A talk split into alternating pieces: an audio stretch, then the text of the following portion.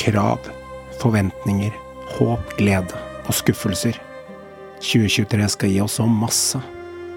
TV 2, de er i førersetet, og de skal glede oss. Skru tiden tolv år tilbake. Den gangen var sangen Vinnersjel. I dag så starter vi med den. Velkommen til en ny episode av Synseligaen. Hvordan føles det å ha hele verden i andakt? Og alle kilder til styrke du har er ransakt. Men vi skulle å få krigere på frammarsj. Og se at ønsket om seier er større enn antatt. Gjør klar kamera ovenfra dreies. Og følg med mens motstanderen måles og veies. Spenn musklene, stå støtt, her må det arbeides. Sørg for å være med når året skal feires. Det tid for dem som har stått og lagt vei fram når alt virker grått. Og sagt nei når de sa standarden var nådd. Og ikke bare nøyde seg med det de har fått. Gå rett fram og legger fram vinnerbeviset. Hver mann har en leverett som ingen kan vite. Før du står der på pallen og kroppen din sitrer. For du vet at du vant, over verden som vitne.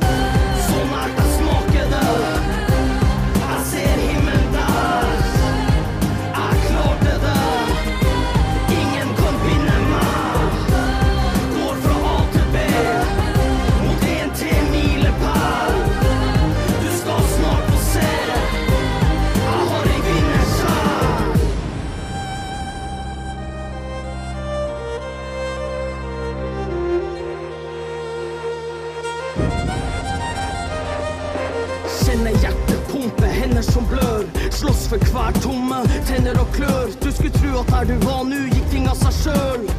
Bryt deg fram, men finn en ei dør. Det er derfor det vi verdsetter mest her i verden, er viljen til å fortsette uansett hva som legges imellom deg og denne verden. Og det du kan vedde på, er at det du sitter igjen med, kommer til å være verdt det òg. Sånn er det smaker det.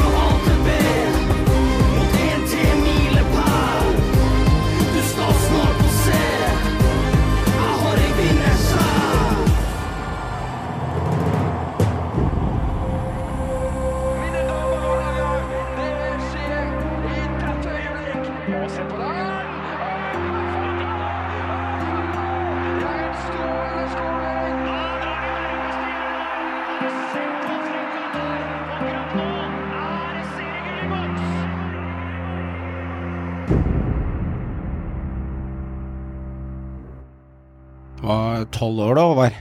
Tolv år siden eh, Vinnersjel i eh, 2011 herja eh, på skjermen. Kjente du det, eller? Jeg kjente det. Fin eh, låt, og så blei den Det blei mye vinnersjel. Det blei litt lang, men jeg må si det er jo en låt man har gode minner til. Mhm. Den låta, den introen der. Men å, men å høre hele låta, det tror jeg er en stund til neste gang. Men jeg likte den uh, viben den ga meg, og vekka litt minner. Det gjorde det. Så tenker jeg litt sånn, da. Vi er fulltallet der. Håvard, Meran, Joakim og Tom er med oss i dag. Jeg tenker litt at siste, liksom, episoden, Meran, før eliteseriestart, er det greit. Seks dager før, klinke til. Vi går ut av sporet vårt, kjører ikke Synseliga-introen. Vi krediterer TV2 og Vinnersjel fra Tippeligaen 2011, og så dunker vi ned i bordet og sier takk for lånet, og det er litt på tide også å slå litt på stortromma og få litt gode minner. Absolutt. Nye minner også. Ja, Nå er det på tide å skape nye minner. det er ikke sant? Og, og, og, og, men samtidig ta med oss de gode minnene som en gang var. Men, eh, men eh, jeg har trua på nye minner Ja. og, og ny giv. Ja, for det er jo en ny Og æra, det er jo ny æra, Joakim. TV 2 sparker i gang, og de disker opp det ene programmet etter det andre, og det kommer en podcast her og en podcast der, og det er jo fantasy for alt som er. Nesten egen fantasy-pub, bare for forsvar snart. Så det er, de satser jo, for å si det mildt. Så tenkte jeg liksom at hvorfor ikke bare klinke til og gjøre en annen intro i dag. Jeg syns det er kjempegøy, ja, men jeg skal jo faktisk helt ærlig innrømme at jeg hadde glemt at den sangen opprinnelig hadde en tekst. Mm. Og når jeg, nå hør, når jeg nå hørte den på ny, så skjønner jeg hvorfor den teksten ikke er i den boka.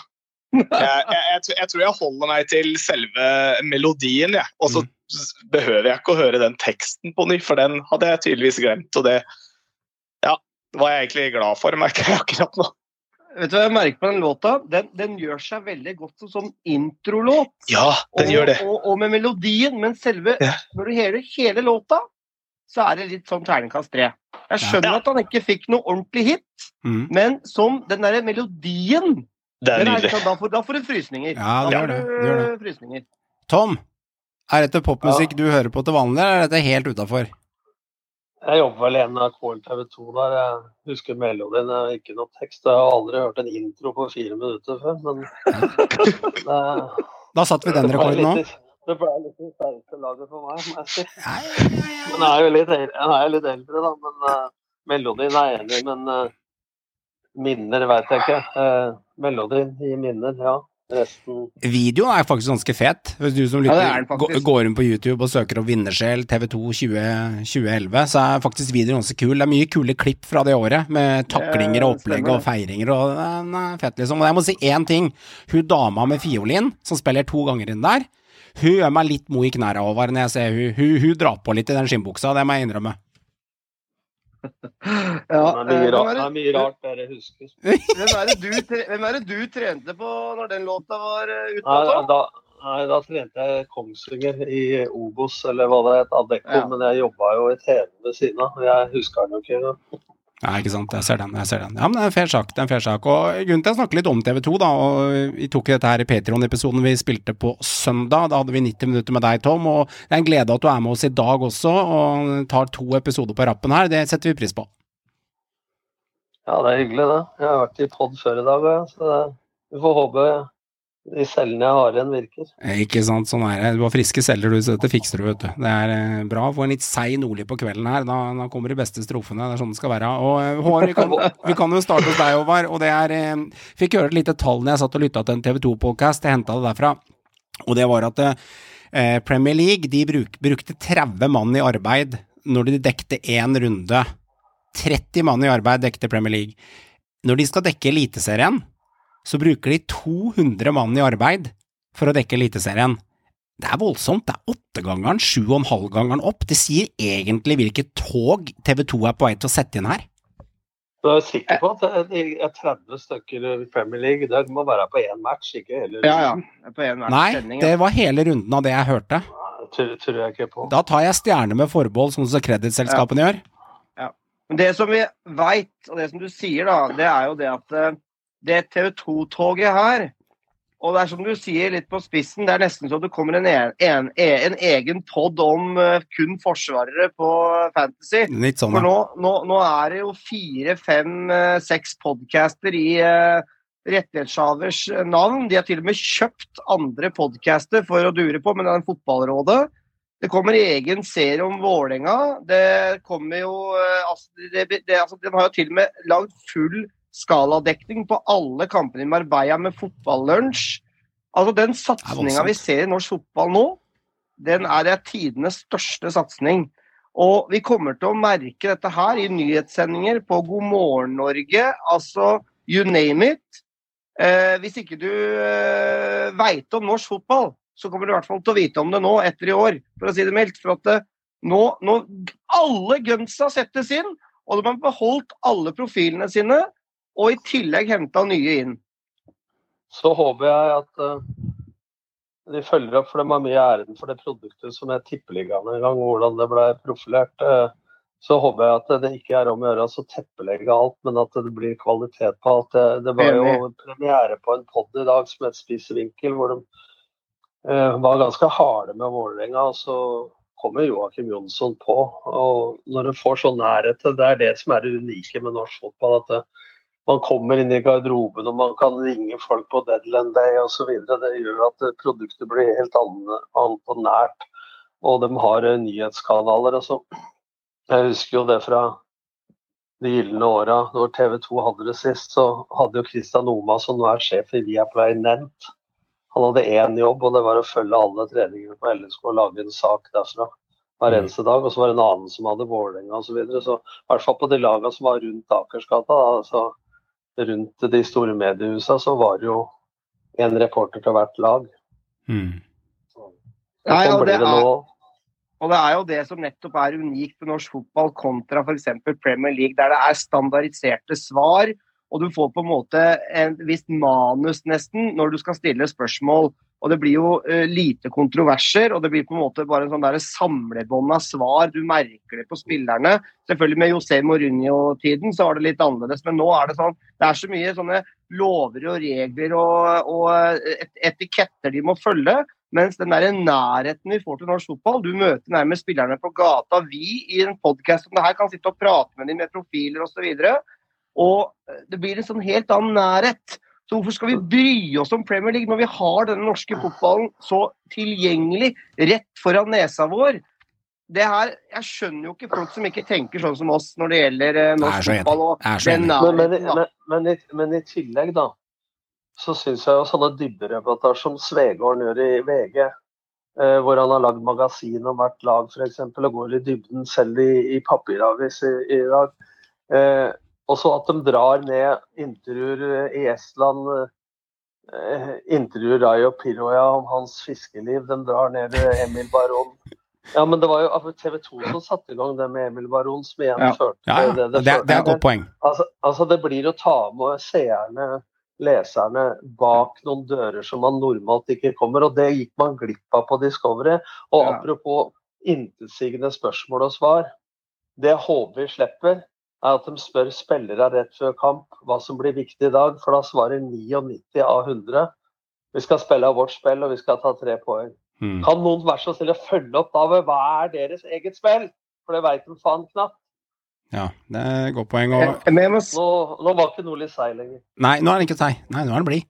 Nå våkner han. Men jeg må si én ting, da, som jeg syns var litt sånn Jeg humra litt når jeg hørte det, og så ble jeg litt sånn irritert òg. Mm. Eh, fordi i den første episoden i dag så hadde de Atta Aneke som gjest. Vår kjære Atta Aneke, verdens beste agent. I spiss vinkel. I Spiss vinkel, som vi da har hatt som gjest tre ganger.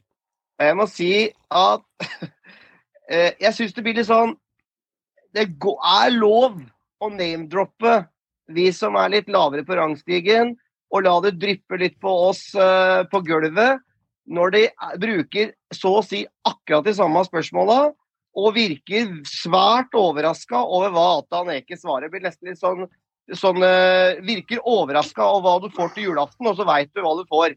Og litt sånn syns jeg det var på det intervjuet der med Atta. At det var et fint intervju, og god, fin prat. Men Atta forteller jo om akkurat de samme historiene som han gjorde i vår podkast. Ja, Så kan jo kanskje Håvard- dra opp noe nytt som ikke folk Ja. allerede har hørt. På en måte. ja, men Håvard, og, og ikke Håvard- late som at dem har funnet opp spørsmålene. Ja, men at eh, Atta svarer det samme, med samme historie Han kan ikke finne på noe nytt. Nei, det er ikke Atta det jeg refererte Tom. Jeg tenker Nei, på de nei. gutta.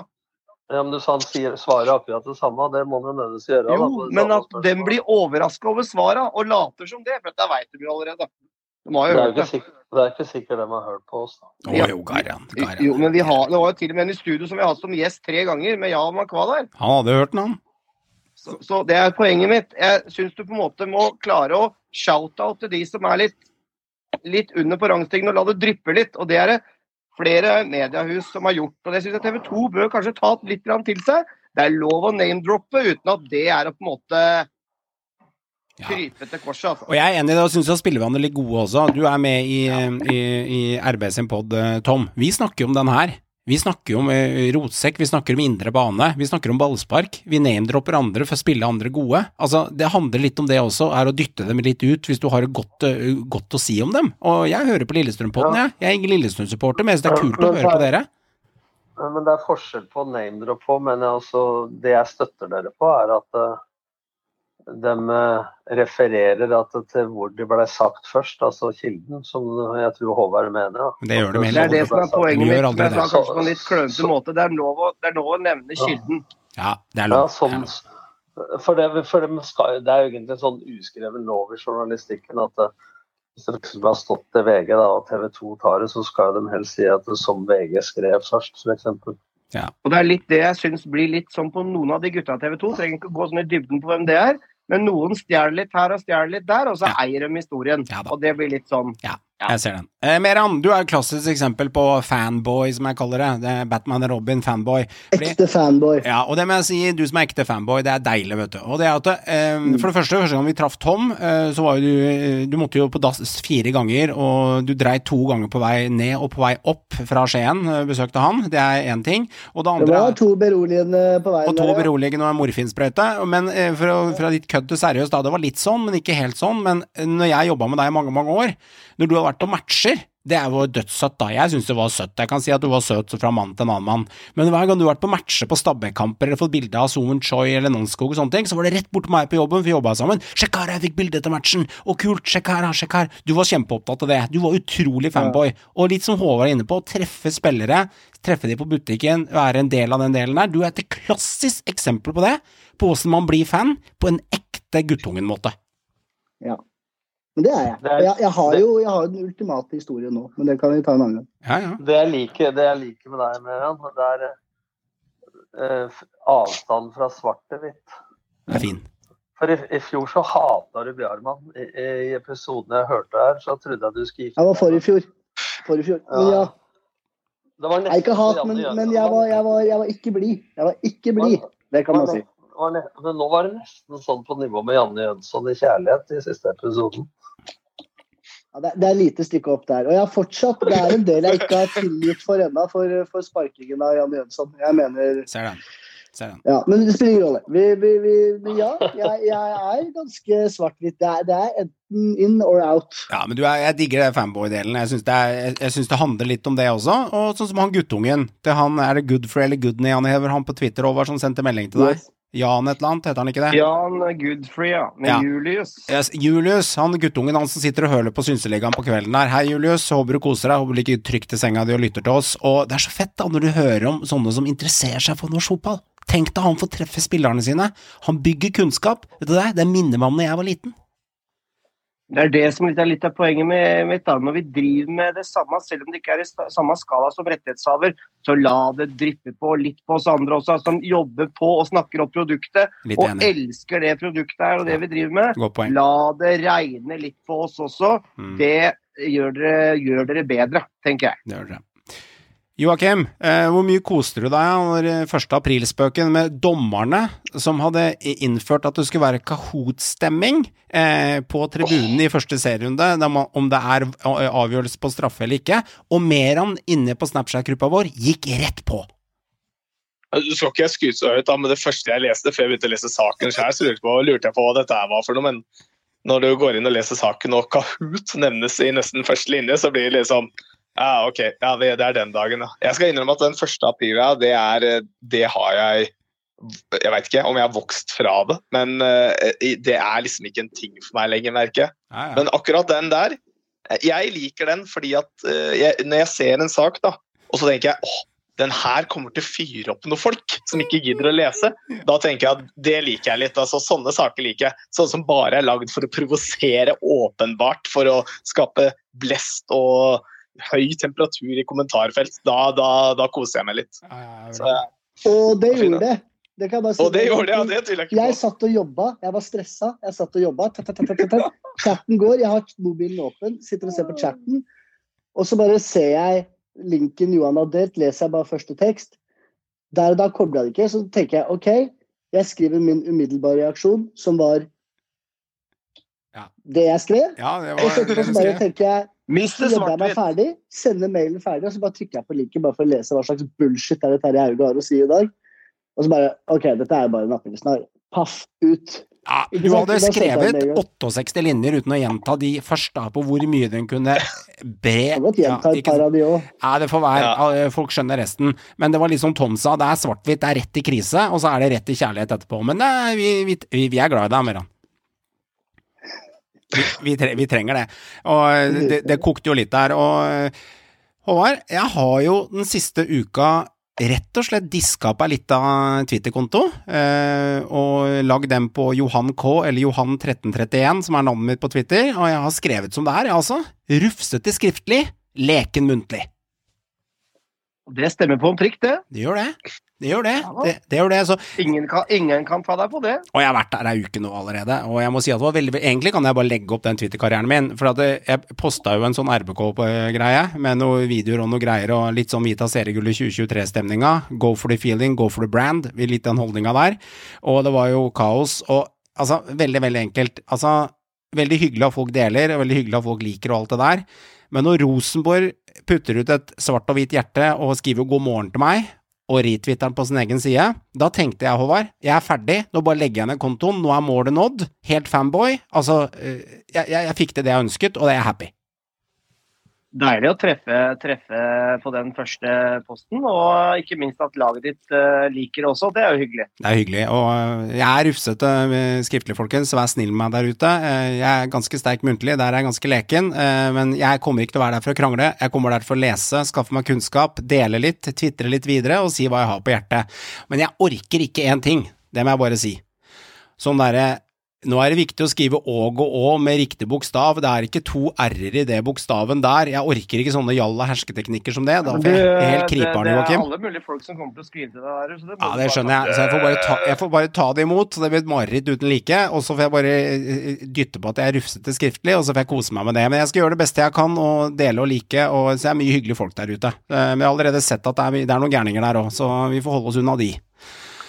Ok, karer. Eh, vi hadde en episode på søndagen, en Patron-episode som var i 90 minutter med Tom. Eh, fikk mye gode tilbakemeldinger på den. Den ligger på Patron, 1 12 times spilletid. Der hadde vi en liten konkurranse, og vi nevner den her også. Det er to premier ute og går, kjære lytter. Vi har gjort det ganske fint. Alle som kjøper eller oppgraderer til ett år med Synseligaen på Patron-tjenesten vår, det laster du enten Patron, appen, eller så gjør du det via browserinternett, patron.com, med egen innlogging, og du kan høre poddene våre. De som er åpne, får du hørt der inne, og de som er bak betalingsmur, får du også hørt der inne. Men for alle som kjøper eller oppgraderer til ett år med Synselegan der inne, og det koster fra 35 kroner måneden, så gir vi også 15% rabatt. For de som registrerer seg fra og med søndagen som var nå, og fram til eliteseriestart, første runden mellom, øh, i Eliteserien og første kampen med Rosenborg og Viking som starter 2-3-tida, de er med i trekningen av to ting.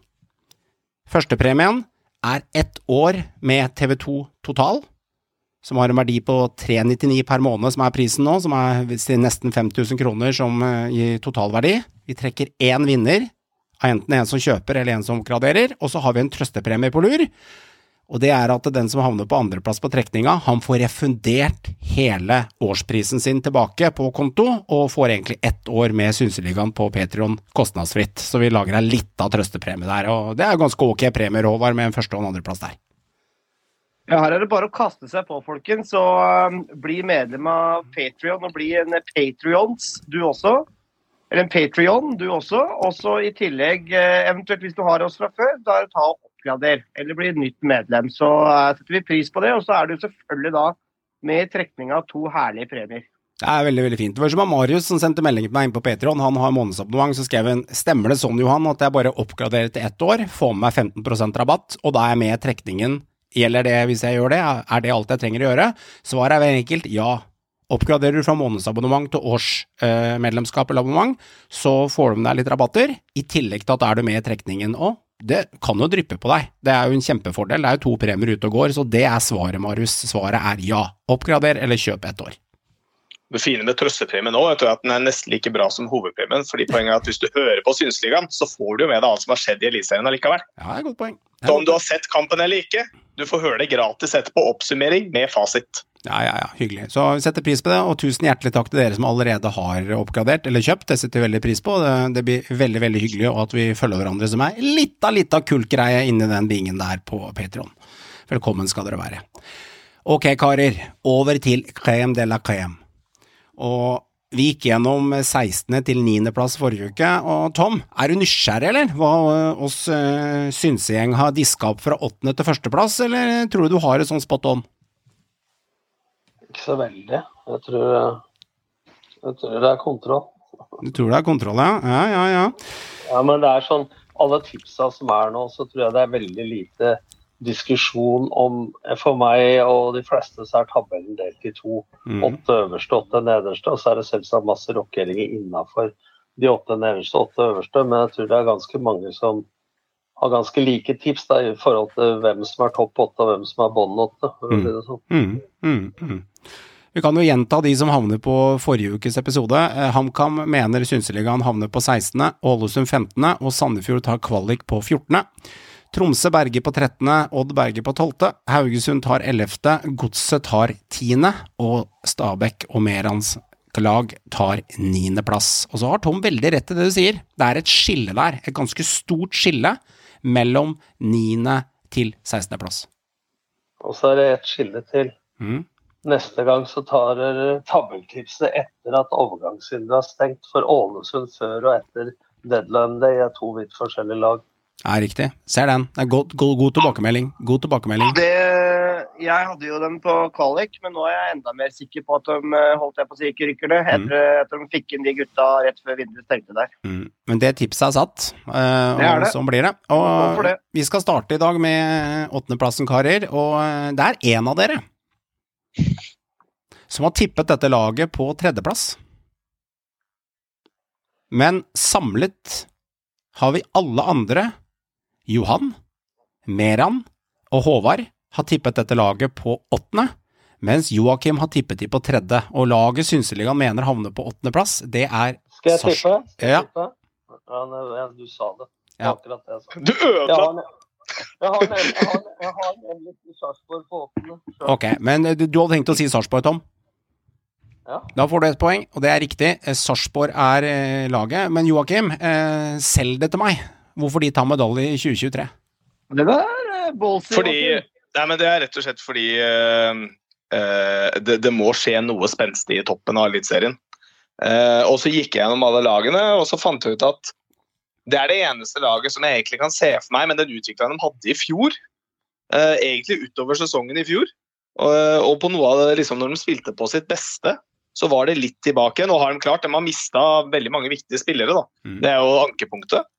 Men det, er, det, det, blir for kjedelig, da. Altså, det, jeg vet, ikke sant? Dem som dukker opp der, er Rosenborg, Lillestrøm, alle de andre. Jeg, jeg tenkte at nå skal jeg Jeg har ikke så troa på noen, et par lag jeg ikke har så mye troa på som mange andre, som de forventer skal ta den tredjeplassen. Eh, Så jeg håpa å mikse det opp litt og putte inn et annet lag som eh, kunne bli en positiv overraskelse. Og av lagene rundt der da, så er egentlig det det eneste laget jeg ser på som den eneste mulige kandidaten til å ta en positiv overraskelse og mikse opp inni der. Okay. Ja, altså det, det vil jo være en helt syk prestasjon av Sarpsborg, i hvert fall, som skal ta medalje i år. Men jeg er enig i at eh, de ser eh, OK ut. At de har vært ganske gode nå i preseason også. Men jeg, jeg sliter litt med å se hvem som skal skåre nok mål der og sånne ting. Jeg syns det ser litt tynt ut offensivt. Eh, og Sarpsborg har fått inn en del OK eh, spillere, bl.a. han eh, Jeppe Andersen er det vel han heter, eh, ekskaptein i Hammarby der, som, eh, som ser bra ut. Og de har fått inn både en del OK offensivt og defensivt, men jeg klarer liksom ikke å se han der spilleren som skal skyte dem oppover på tabellen sånn fryktelig høyt, da. Eh, Men at det blir en OK solid sesong for Sarpsborg, det, det tror jeg. Så rundt sånn midten. eh, Jeg, jeg, jeg tror vi kommer til å treffe greit der, da, på samla. For meg da, så er det ikke så De skårte jo ganske mye i fjor. Eh, men mitt ankepunkt til å være i toppen er at de slipper inn eh, har veldig ambisiøs spillestil. I forhold til han treneren som var der før, som var defensiv først, så, så slipper de inn veldig mye mål. Da. Og det er mitt ankepunkt. Og at de er ustabile til at de kan være helt der oppe. Men at de kan slå hvem som helst eh, på sitt beste, det, det er jeg enig i.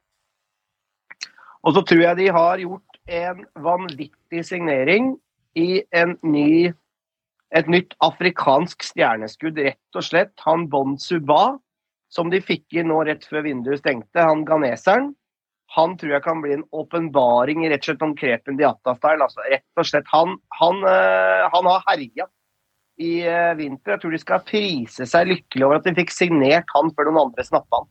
For han tror jeg kan bli rett og slett veldig, veldig god allerede i år. Mm. Jeg liker liksom argumentene dine, Joakim. Eh, eneste jeg stusser ved, er Heinz, da, som er borte. 15 skåringer. Eh, kunne- Det er trist, ass. Oh. Ja, altså, en fantastisk spiller. Eh, men det er ofte noe med lag som tar med seg litt vinnerkultur fra året før og over i ny sesong. Eh, de siste ti kampene i Eliteserien så tapte de ikke. Eh, eneste laget som ikke gjorde det, sammen med Molde. Molde tok ti på rappen. De var jo helt eh, Jesus i, i fjorårets sesong. Du husker jo hvor rekorder og alt som var. Men det er, en, det er en ting jeg liker med det tipset ditt, at det kan komme en dark horse fra sida, og Sarpsborg kan være det laget. Jeg tror ikke det er det, men eh, det kan hende også at du har rett. Men de havner på åttende i fjor, med Heinz. Så jeg lurer på hvordan skal du havne på åttende i år uten han? De starta jævlig dårlig, men eh, jeg er skeptisk. Men det er spenstig tippe, tippa av deg, da. Så mm, mm. Ok. Joa, Ja. du prater om Jesus i altfor positive ordelag. Ja, jeg prøver å være positiv til gæren, er gæren. Han var jo snekker, og han har levd i, holdt på i mange år. Han lever i ånden, vet du. Det er viktig, det. Det er viktig, det. Altfor positivt ordlag om han, ja. Jeg skjønner bildet. Skal vi se her. Eh, karer, eh, vi har et lag på sjuendeplass. Og eh, det er to av oss, altså, eh, i panelet her. Og det er Meran og Joakim utnevner laget som har gått for en klassiker. Og alle veit jo hva en klassiker på sjuende er. Tom skal få tid på laget, men laget er ikke klassikeren. Hvilket lag tror du havner på sjuende, Tom? Det, det, når du sier det sånn, så veit du at dere ikke har tippa Vålerenga, men jeg har tippa Vålerenga på sjuende. Det, det skjønner jeg. Du holdt for klassikeren. Og det har to av gutta her gjort. Men hvilket lag havner samlet på sjuende når vi legger sammen tabellen til Synseligaen? Viking, tenker jeg. Svaret er Viking. Spot on. De havner på sjuendeplass, og det er kun én som tipper de på spot sjuende, og det er Håvard. Um, og um, ja, vi følger den, Håvard, på, øh, der. Jeg tipper de ganske høyt. Eh, jeg tipper de på fjerde. Jeg er den som tipper, Oi. jeg er den som tipper de høyest. Såpass. Ja, og jeg kan jo starte hos meg, siden jeg tipper de på fjerde. Mm. Så kan vi starte hos meg, så kan vi dytte den rundt bordet. Og, og um, Ena, jeg skjønner at uh, Meran og Joakim, dere har kjørt Vålerenga som en klassiker, som Tom ville gjort også, og det, det, det er naturlig. Men grunnen til at jeg tipper det, er på grunn av at for det første så har Viking uh, et bra stoppepar. Jeg syns de har en uh, kanskje Det har de. ja, jeg syns de, de, de er fine. Um, Berkalo og Stensnes syns de er bra. Eh, det er greie backer på laget også. De har litt, litt spennende vinger. Midtbane er jeg litt mer utrygg på, men de har én ting som er litt mangelvare i Eliteserien eh, akkurat nå. Eh, og det er at de har to spisser som jeg tror kommer til å være komplementere hverandre ganske godt. Og det er ikke så mange lag som har det. Lillestrøm har det. Eh, Bodø-Glimt har det ikke helt, for det er ikke det sterkeste leddet deres. De spiller jo vingspill da, med en i midten. Molde har det, eh, Lillestrøm har det, som jeg har sagt, og Viking har det. Og jeg tror det kommer til å være en fordel for Viking Men ved å, kunne, ved å kunne ha det. Så jeg sitter med følelse av at det kommer til å nå langt, eh, versus andre lag. Det er årsaken til at jeg putter de på fjerde. casen er at de kommer ikke til å spille med to spisser, Krog. Nei, Det blir en ren konkurransesituasjon. jeg, jeg forstår, men de har fortsatt to spisser de kan bruke, Ja og de kan gjøre om. Altså, det kan skje ting. Sesongen er lang, så jeg, jeg, det er argumentet mitt for Viking, da. Altså, selv om Lillestrøm også spiller med én og kan bruke to, ikke sant, men jeg Nei, verdsetter Lillestrøm det. spiller, med, Lillestrøm spiller med to, Johan. Ja, men lytt til hva jeg sier. De kan bruke én i visse kamper. De kan bruke to hvis de trenger det. Det er poenget mitt. Så tydelig ønsker jeg å være på det. De har to gode spisser, Lillestrøm. Det samme har Viking. Det er argumentet mitt, og jeg tror det er et ganske viktig argument. For får Rosenborg en skade, får kanskje Vålerenga en skade, så er jeg usikker hvem som skal skåre måla på- i de laga der, men der er jeg ikke usikker i eksempelvis Lillestrøm og Viking. Vålerenga nå hadde bare fått ta det, da starta med Sidi Jata istedenfor Børven, så de har jo to spisser der. Ja. Men, eh, men for meg, da For meg da, så er eh, Jeg har satt dem på sjetteplass. Og for meg så er eh, stoppeparet ja. Salvesen ja. Men jeg, jeg syns at erfaringa til Birker Bjarnarsson, som eh, debuterte når jeg var der i 2006 som Mhm. 18-åring. eh, Men erfaringa han fra Serie A og Premier League osv., som vi nevnte litt i går, Mm. Så er ikke han en type spiller. Han er jo født og oppvokst i Stavanger som kommer hjem for å dra noe lønn eller slappe av litt. Han er såpass ærgjerrig at han kommer til å sette sitt preg på dette hvis han er skadefri, tror jeg. da. Mm. Så jeg tror Viking gjør det litt bedre enn i fjor. Jeg har, jeg har den på sjetteplass. da. og Jeg tipper ikke Vålerenga på sjuende, for det er, Nei, det er skjedd, skjedd så ofte. Jeg mener bare at uh, Vålerenga har en, bare for å ta for det, så har Vålerenga en bra stall etter min mening.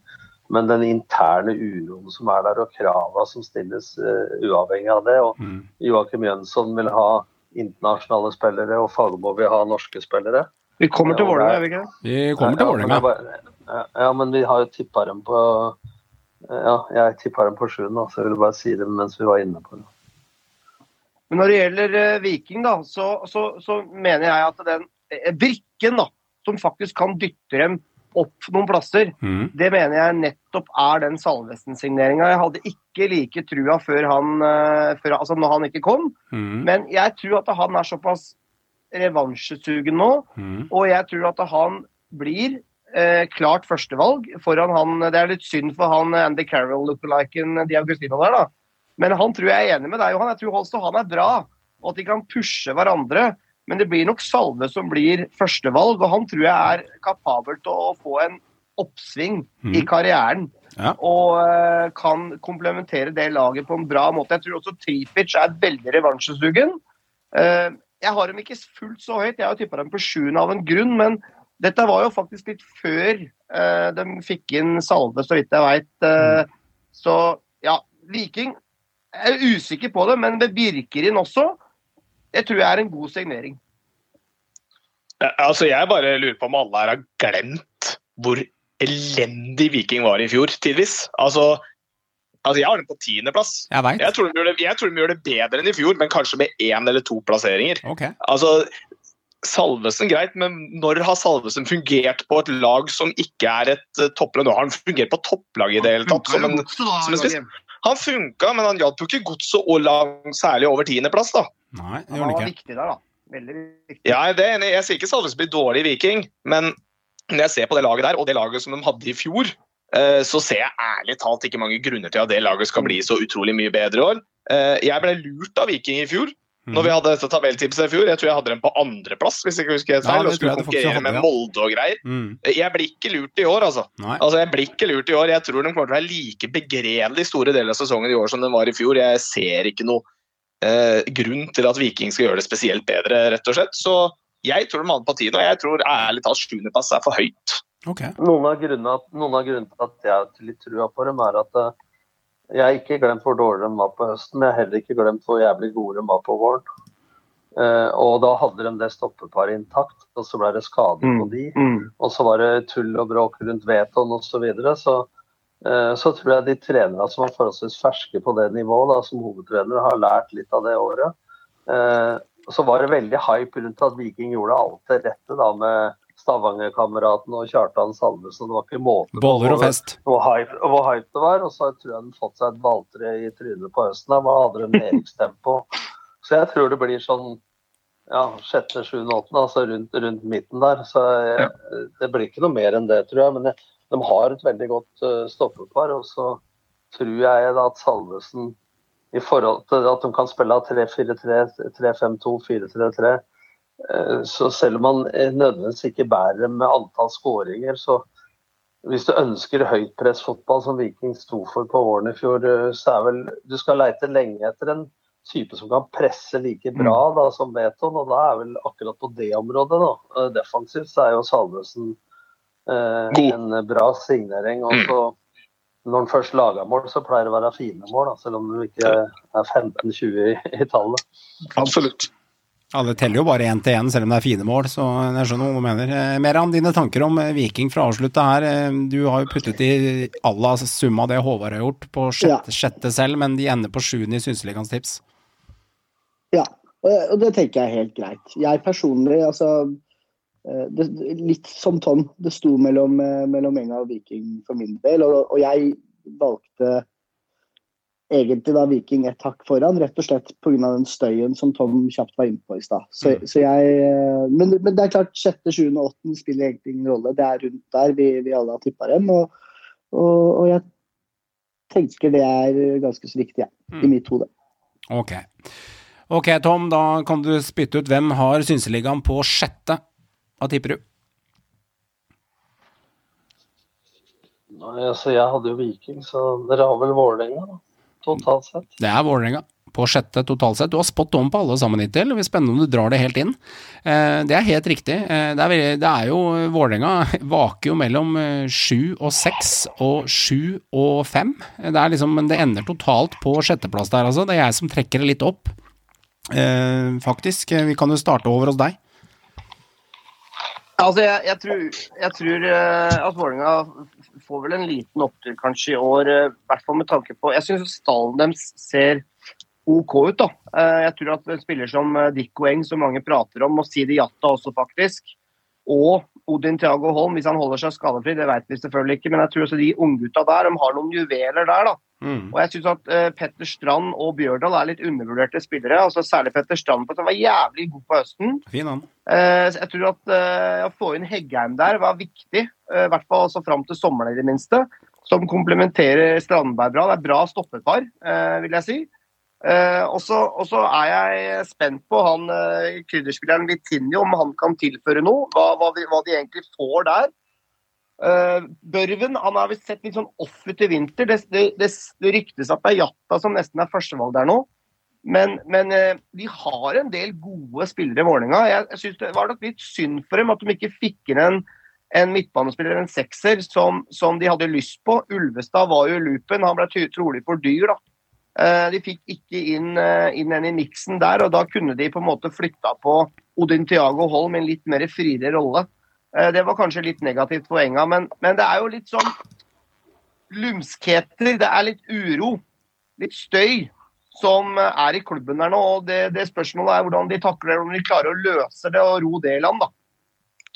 Altså, eh, problemet med Vålerenga for meg er jo det at det du sier nå, det er jo Vålerenga hvert eneste år. Altså Når man går gjennom Vålerenga for hver sesong, så er det akkurat det samme.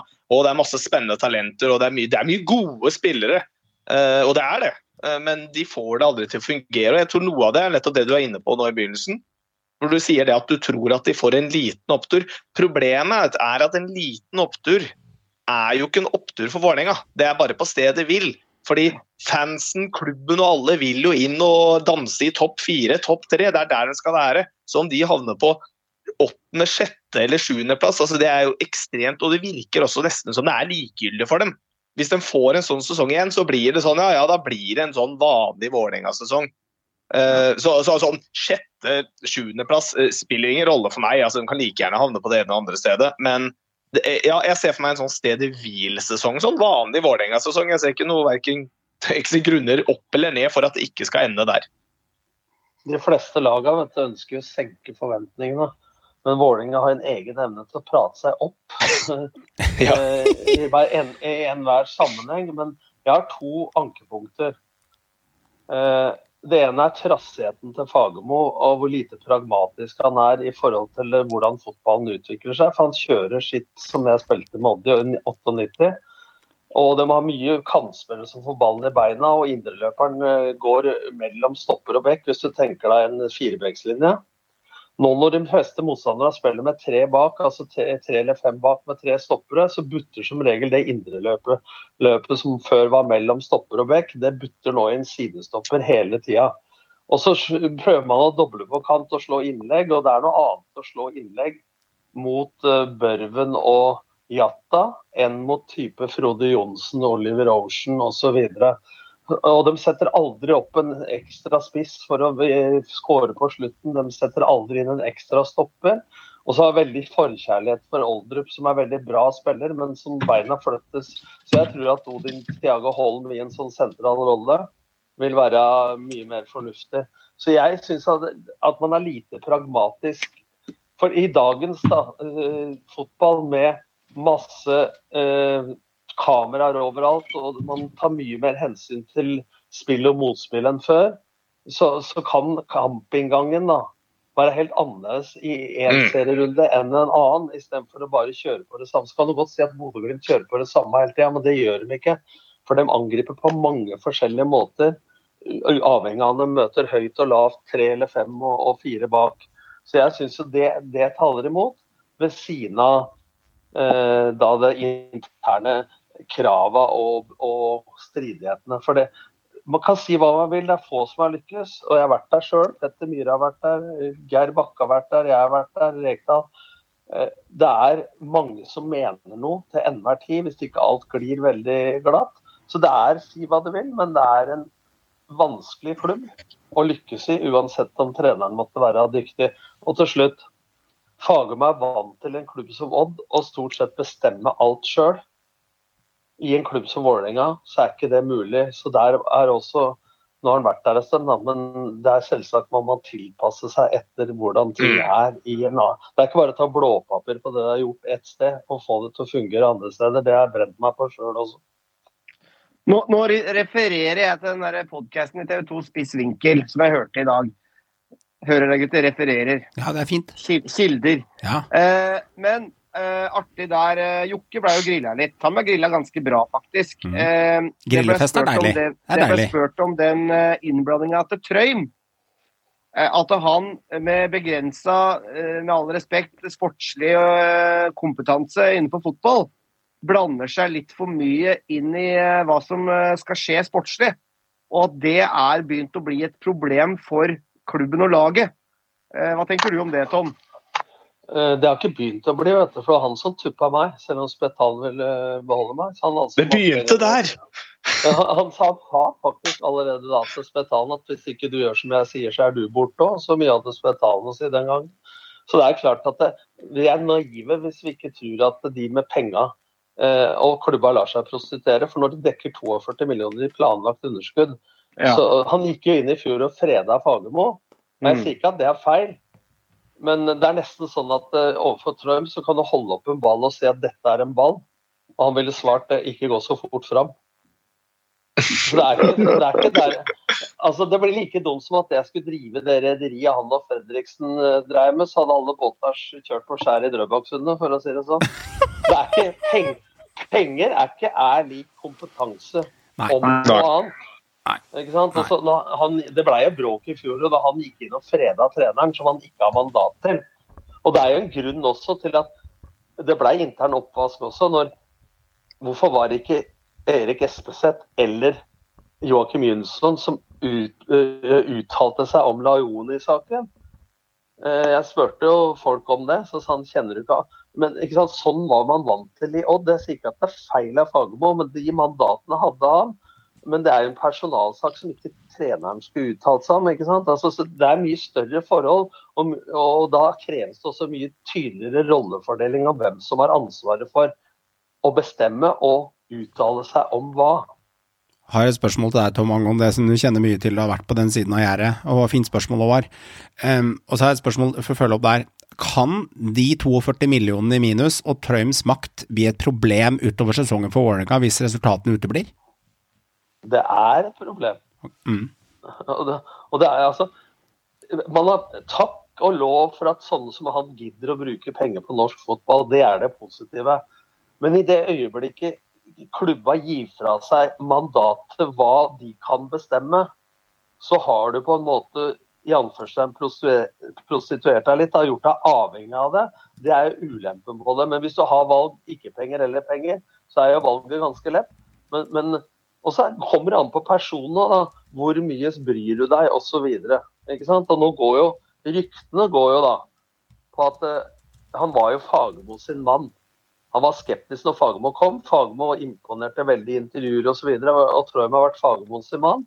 Nå går ryktene, jeg sier ryktene, på at han eh, har liksom tatt litt mer Joakim Jønsson sin parti. Og så kan det godt hende at det setter nå i overkant mye Joakim Jønsson opp imot han, men dette trodde jo folk med meg og Fjørtoft en gang òg. Men, folk går bare og venter på det, så kan det hende folk legger til å trekke på for mye. Men det er jo sterke personligheter. Og jo mindre tydelighet det er på hvem som bestemmer hva, jo mer sjanse er det for at det smeller. Ikke sant? Mm, mm. Jeg lurer, på, lurer, lurer hvor mye vi kommer til å få se på, på liksom virkelig sånn bak uh, kamera i den ære være-serien. Om det faktisk kommer fram hvordan ting virkelig er, om det, eller om det blir polert. Det er jeg eh, spent på. Ja, Det blir ikke polert, tror jeg. For det er det TV 2 som bestemmer. De er ikke redaktører. Men det kan faktisk ha en positiv virkning. At Ja. hvis de er der, og folk uh, tenker seg om, så kan det hende at de som eventuelt ville gjort noe dumt, skjerper seg litt. Grann. Mm. Ikke sant? Mm. Når de har øya, øya sine på. Samtidig så vet jeg jo det fra den gangen 2004 til 2010, hvor TV 2 hadde det. Så var det sånn at det, nå står Jan Åge og Tom nærme hverandre. Nå spytta Oliver Oversen etter Casey Wehrmann. Det blei jo saker av alt mulig.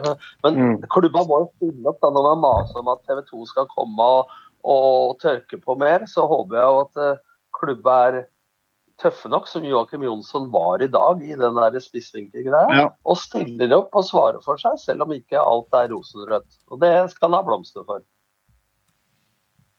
Takk, Tom. Takk for god deling. Jeg liker det når du får lov til å prate og dunke løs. Sitter jeg og koser meg. Så jeg er litt tom for te, da. Det merka jeg hvis du ser tekoppen min her. Den er akkurat tom for te, ikke sant? Jeg sitter her med men Johan, jeg har ikke noe fasitsvar, men jeg har, eh, jeg har vært på den sida der, Ja, ja. så jeg veit litt åssen Dette her eh, tror jeg blir eh, drops for lytteren å få i Ja, det er øret. her. Hadde vi hatt det verre, Tom, eh, enn de to har det, hvis jeg hadde vært sportsleder og du trener? Jeg sa jo det i posten i går, selv om du skrev 'nikke med CK'. Så, så, så, så, så, apropos så kan, kan du ta to K-er neste gang. Det er greit. Men jeg har jo Jeg har jo Hadde du vært første leder i en klubb med den der økonomi for Har ikke fått kjøpt spillere, vi. Jeg hadde faktisk fått et lag. Jeg hadde nikka deg rett ned sånn billedlig sagt. Ja, det er sant. Og nikke med CK og sånn. Så jeg skjønner hva mener. Det er sagt Nikki Bille! Ja, det er, det er Nikki Bille Nordsjælland. Så er det litt sånn. Det er rufsete skriftlig, leken muntlig. Men det, da, hadde- altså, da kan du ta meg, Fjørtoft eller Joakim Jonsson og han eh, Fagermo. en fød min i forhold til åssen det hadde blitt mellom deg og meg, men det er økonomifokuset ditt. Det er, bra. det er godt vi har en god flørt om. Det er herlig. Ok, skal vi se her åssen det ligger an. Eh, da eh, blir det, blir det Vålerenga på, eh, på den eh, sjetteplassen som vi tar. Jeg har jo skrevet opp eh, Vålerenga litt høyere. Jeg har dunka de gutta litt opp på tabellen. Eh, jeg har gjort det. Jeg har, kan jo ta en som har tippet høyest her òg. Meran, du har Vålerenga på sjuende, Joakim sjuende og Håvard sjette. Jeg tuller det litt til, for jeg har putta de på femte. Og En av grunnene til det er for at det er så mye faenskap rundt klubben nå. Eh, og når diareen renner nedover veggen, så har jeg lært av deg, Tom, det er dumt å henge med huet. Og jeg sitter med følelsen at de kommer til å komme litt mer ut av det enn som så. Eh, jeg har litt troa på spissene. Eh, litt for at det er litt krydder på topp der. Børven veit hvor målet står, så han scorer fort en 8-9-10-12 mål. Fort. Og så syns jeg det er litt spennende med vingene deres. Altså Strand er god, undersnakka spiller som Håvard er innom. og Eng tror jeg blomstrer i år. Og så har de denne litt, lille jokeren som jeg er litt spent på kommer til å levere i gjenga, og det er Ofkir. Men han sitter med 18-20 målpoeng inne. Hvis han leverer tilnærmet det samme, så tror jeg han kan skyte klubben litt opp. Og forsvarsspillerne deres, litt tynn forsvarsrekke, men Hedenstad er en litt underprata back. Sutta er spennende og gode stoppere. Så hvis de får sydd sammen det laget her, og det er såpass tett der oppe i toppen, så kan det hende at dette laget her kan overraske litt, og det er grunnen til at jeg setter dem litt høyere i min bok. Når det er sagt, så tror jeg ikke Suta spiller foran Juklerud. hvis han Nei, det gjør han ikke. Nei, det, nei, Men- jeg skjønner den, men ja, han spilte en god del i fjor, da. Men, men eh, Johan, apropos muntlig leken, hvis du skal sitere meg, mm. så aldri har jeg sagt at uh, en renner ned på veggen. Det er dumt å henge med huet. Det jeg har sagt er at eh, hvis du står med dritt i halsen, mm. så er det dumt å henge med huet. Ja. Bare sånn at hvis, hvis du skal sitere meg, så må du være, må du være korrekt. Men det er bra. Da, sitter, da, da redd, redda du et eget sitat, og så får vi bare påpekt at jeg er leken muntlig.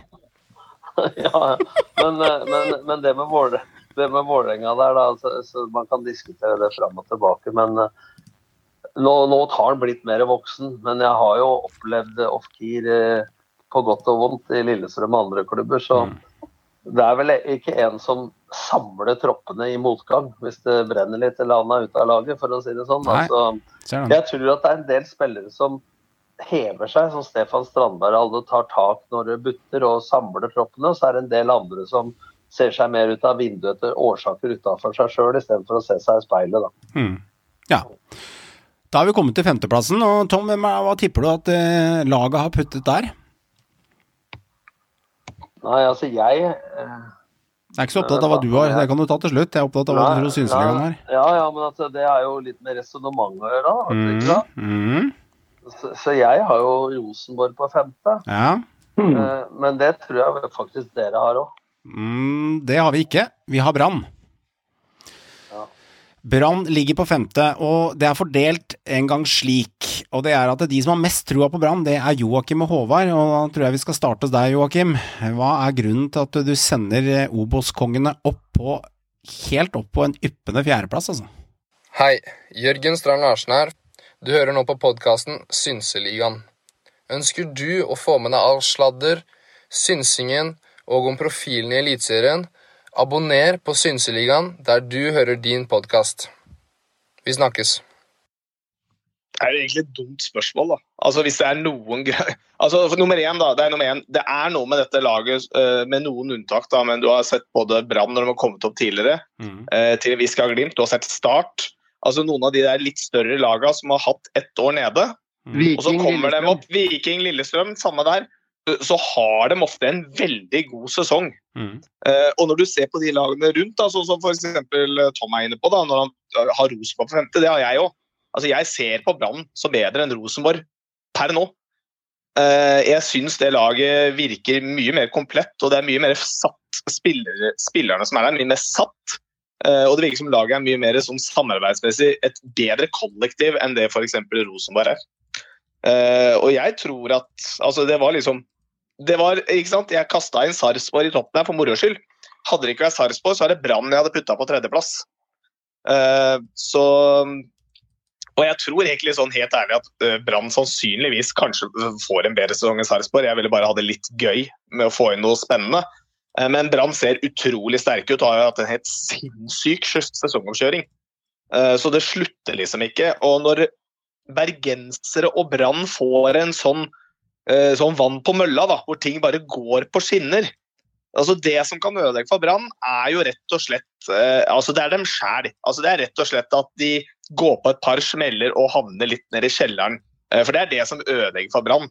Hvis de klarer å holde dette her gående, så ser jeg ingen grunn til at ikke de skal være med helt der oppe, og til og med kanskje kunne være med å slåss om en bronsemedalje, for å være helt ærlig. Eh, De ser jo fryktelig sterke ut. Ja, jeg, eh, jeg tror sjøl Dette er mitt lag, da, så jeg er kanskje litt inhabil. Men jeg tror helt ærlig at det er mulig å slåss om medalje. Eh, Ikke gull og sølv, eh, der er det nok patent på to klubber. Men eh, å slåss om medalje, hvis alt klaffer, hvis de holder sentrallinja, da tenker jeg egentlig først og fremst på Jaffet Seri Larsen, Siv Kjelte Nilsen og Bård Finne. Eh, hvis de får på en måte spille da, hele året og holder seg skadefri, for de er så viktige. Altså Bård Finne han har aldri sett hvassere og bedre ut enn det han gjør nå. Han har bøtta inn i vinter, og han var altså da andrevalget i Obos i fjor. Det er liksom smått utrolig å tenke på, men han, han er jo holdt jeg på å si, nesten bankers hos alle på Fantasy nå, bare for å sette det på spissen. da, ikke sant? Bård Finne han får endelig spille spiss der han er best. Han har sett on fire ut. Og spillet til Brann, altså, det varmer enhver fotballelsker. Altså, den, den, spiller så offensivt. Det er liksom det er så tempo, det er så trøkk, det er så høy gjenvinning. De presser høyt over hele linja, og det går veldig hurtig langs bakken, og det er fremoverretta som bare det. Så de har strengere å spille på, og så har de den veldig den innarbeida elveren nå. Ankepunktet Brann er selvfølgelig at de har en tynn tropp. De har en tynn tropp hvis de får et par skader på sentrale spillere. Og det, det er derfor det kanskje er litt synd at vi ikke fikk inn noe mer nå før vinduet stengte. Men, men elveren til Brann den mener jeg er mer enn bra nok til å være med og danse og kjempe om medalje, med tanke på den, altså den, den flyten, den formen de er i nå. De har på en måte glemt hvordan det er å tape, sånn som de holder på nå. For meg da, så minner Brann meg litt om uh, når vi sjøl tok eh, sølv med start som nyopprykka, og Bodø-Glimt tok sølv når de rykka opp. Eh, møtt mye god motstand gjennom vinteren, og alle snakker om at det ikke betyr noe. De er vant til å vinne i fjor, møtt eh, topp motstand nå, fortsetter å vinne. Eh, treningene deres er ofte tøffere enn en kampa. Altså, Og den lederjobben Horneland har gjort etter det famøse eh, nachspielet, og hvordan han har fått standing i byen og trua i spillergruppa og renska ut der. Eh, selvsagt, hvis Jeg tippa dem på fjerdeplass, og når det er tippa fjerde-femteplass, så er du med og kjemper om medaljer. Det, jeg er enig med deg, over at det ankepunktet for at jeg ikke tror de holder helt inn, er Det kommer an på hva som skjer i overgangsvinduet til sommeren. For jeg er redd for at den turbofotballen minner meg litt om Vi vant vel ikke en kamp i og Vålerenga når vi kjempa om gull på de siste seks serierundene, for det er veldig krevende. Og de kommer til å bruke mye av samme elveren hele tida. Og jeg, bak nummer 12, 13, 14 så er stallen tynnere enn en del av motstanderne som er oppi der. Da. Det er mitt ankepunkt. Men jeg er enig med Joakim at det, sånn de har sett ut. Uh, og så er de sjøl sin egen motstander. For når det går bra, så kan det flyte, men hvis du får uh, to-tre kamper hvor det butter også, så er det ingen, ingen by der så stor variasjon mellom himmel og helvete, eller kort avstand Mm. mellom himmel og helvete, som i, som i Bergen. Jeg har sett, når jeg jobba i TV 2, så har jeg sett dem vinne 8-2 i en kamp, og da kan du garantere at før da, så tapper de 4-0 i, i neste. Men det er det jeg føler Hornland har greid å ta tak i, da, at det ser mye mer stabilt ut. eh, sånn sett. Så jeg eh, De kan ta, slå hvem som helst, men jeg er spent på om det holder til desember, for å si det sånn. Ja, og det, det, det er jo litt mitt take på det òg. Eh, utrolig solide. Og ankepunktet er selvfølgelig troppen og forventninger fra byen. da. Og det, og det var litt det som gjorde at jeg satt dem på en femteplass og ikke en fjerde. Der har jeg et annet lag, og, og det er nettopp pga. forventningspress og, og størrelse på tropp Mm. som, som bikker det for meg. Men det er klart, fjerde, femte, tredje spiller egentlig ingen rolle. Det er der skillet er, og det er, det er de tre som skal kjempe om de tre plassene der òg. Eh, Så, så jeg føler vi er egentlig på, på ganske ja, riktig spor her, da. Det, det tror jeg. Og, så, og Det som er en stor forskjell nå fra Brann og sist de var oppe, det er liksom harmonien i troppen og laget også. Selvfølgelig ting kan snu hvis ting begynner å butte. Men Dodo bekrefta det her også på podkasten vi hadde med han, at det er på en måte ikke bare ut, at det er ekstremt god stemning i laget. Og, og, og gutta virkelig trives sammen. Og Huseklepp har vært en veldig veldig viktig fyr inn der sammen. med Hvordan de komplementerer hverandre på en veldig bra måte. Hornland får jobbe og skrike og dure på feltet. Huset er liksom litt sånn utad i media og den biten her, og kan jobbe med, med det offensive. Så eh, det ser ut som et veldig godt team, og ikke minst på ledersida med Christian Kalvenes. Tror jeg har vært en veldig god signering av Brann. Og han har også lang erfaring som toppspiller sjøl. Det er liksom ikke bare en annen businessfyr som har henta ham fra sida. Han veit hva han snakker om, han også. Så på ledelsessida, det, det kan ikke sammenlignes med Brann sist oppe. Det har vært en totalforandring. Og så har de byen og fansen virkelig bak seg også. Mm. Så får vi se hvor langt det holder. Men, men, men de er tynne for, for skader, altså. Det, det er de. Vi setter dem på femte, ifølge tabellen vår. Tom, hvilken plass hadde du på de? Fjerde. Mm. Og jeg syns også Hornland er smart i forhold til Hva heter han, den gamle Tromsø Brann-spilleren som fysisk trener? Eh, Og så har de jo da Hassan El Fakiri med stor Helge Haugen. i Helge Haugen, ja. og Hassan El Fakiri og Huseklepp rundt seg. Eh, Mm. Hornland så har begynt å bygge et team da, som har en del tillit hos folk, og det kan også være ganske viktig da, i en eh, by som Bergen. Så jeg har dem på fjerde. Mm. Uh, ja. Ja, fint. Og du er enig med Joakim og Håvard. Kjø- Kjører 4-4. Eh, Meran kjører femte. Jeg kjører sjette. Jeg er eh, enig med dere, og jeg skal ikke gjenta det. Jeg vil bare si at det grunnen til at jeg setter dem litt ned, er fordi at jeg mener at andre lag over har litt mer å gå i. Skulle Bram få en skade på Finne, eller en sentral midtbanespiller eller en stopper, så tror jeg de andre har bredere staller mot andre lag. Det er årsaken. Enkelt og greit at jeg setter dem der. Ellers er jeg veldig enig med dere mye. Ok, karer. Hvem velger Synselegant Tom på fjerdeplass, utenfor pall? Jeg tipper at dere har satt Lillestrøm der, men jeg har Lillestrøm på trea. Men du tror Synseligaen setter Lillestrøm? Ja, jeg veit at det, er flere som holder med meg at ikke Rosenborg er medaljelag, men jeg tror at totalen har gjort at dere eh, setter Rosenborg på, på trea, ja. Så jeg tipper vel at Lillestrøm er på fjerde for dere. Mm. Fjerdeplass eh, hos Synseligaens tips er eh, Rosenborg. Ja.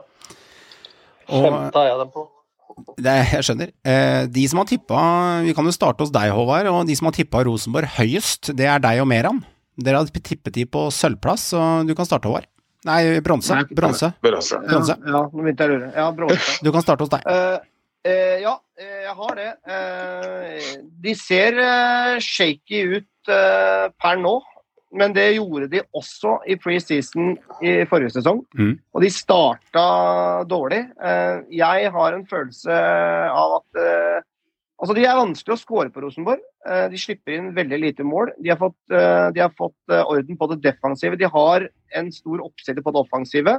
Men jeg har liksom en, en følelse at de klarer å få orden på det eh, i løpet av sesongen. Med tanke på alle de nye som har kommet inn, at det er såpass mye kvalitet at det er såpass mye gode spillere der. At de klarer å få orden på det og i løpet av sesongen på en måte spiller seg i ordentlig form. da. Jeg syns det er en del spennende i troppen der, men selvfølgelig en del ubeskrevet et blad på holdt jeg på å si, dette nivået. Det, det må jeg Bare lov si. bare, bare et spørsmål Håvard. Du sa de slipper inn lite mål. Da refererer du til vinteren nå, da? For det som var overraskende Ja. i fjor, var jo at Rosenborg Alle trodde at de skulle bli vanskelig å skåre på, men Jeg- slapp jeg- inn mål i huet og ræva. Jeg refererer til nå i preseason, for de har knapt sluppet inn mål. Um, men de har også slitt med å skåre mål. Så de må få orden på det offensive. Så blir det veldig veldig spennende å se hva han Sadiku, den nye finske spissen, kan prestere. Og så har jo en mål, målrev i Aga eh, som ikke har prestert på det nivået her før. Og så er jeg spent på de islendingene, hva Mm. som skjer med Thorvaldsson og Ingasson der. Så det er, og ikke minst han der kurderspilleren Jaden Nelson. Mm. For, det er mye spørsmålstegn. Mm. Men jeg har en følelse at de får orden på dette i løpet av sesongen. Men hva har de møtt i preseason? Det er bare et spørsmål. Jeg har bare sånn følelse av at de ikke har møtt så jævla mange gode lag. Nei, det er, det er litt Haugesund, det er litt Tromsø, Det er det er litt altså. Kongsvinger. De har møtt mye klassiske 1-1 mot 1-2-lag. Så det er, det er mye jevne og tette matcher. Det er De har så ikke vært gode, det kan alle være enige de har heller ikke vært dårlige. Eh, Meran, du støtter Håvard i det resonnementet her? Jeg gjør det. Jeg er egentlig ganske enig med Håvard. For, for min del så er det eh, veldig kynisk tankegang. Jeg tenker her og nå. Skulle jeg valgt her og nå i dag, så hadde jeg nok satt, eh, satt Lillestrøm et tak opp på medaljen der. Men for meg går det på over en sesong. Det går på ballasten, det går på historikken Rosenborg har. Eh, det går på at jeg tror faktisk at Lillestrøm kommer til å herje på vårparten, som gjør at Akor blir solgt med en gang, og det hullet vil bli vanskelig å tette igjen. Altså, nå, nå snakker jeg på et supporterperspektiv, eh, Tom, så ikke arrester meg ennå. Så jeg tror det gjør det til syvende og sist. Hvert eneste år så klarer Rosenborg å dra noe med seg. Det er jeg veit du skjønner hva jeg mener. Jeg skjønner veldig godt hva du mener. Rosenborg klarer alltid å karre til seg noe drit. Du skjønner hva jeg mener? Ja, ja, ja. Og- Og det tror jeg jaggu de gjør nå i år òg. Og jeg tror Rekdal kommer til å være veldig klar og veldig kynisk på det.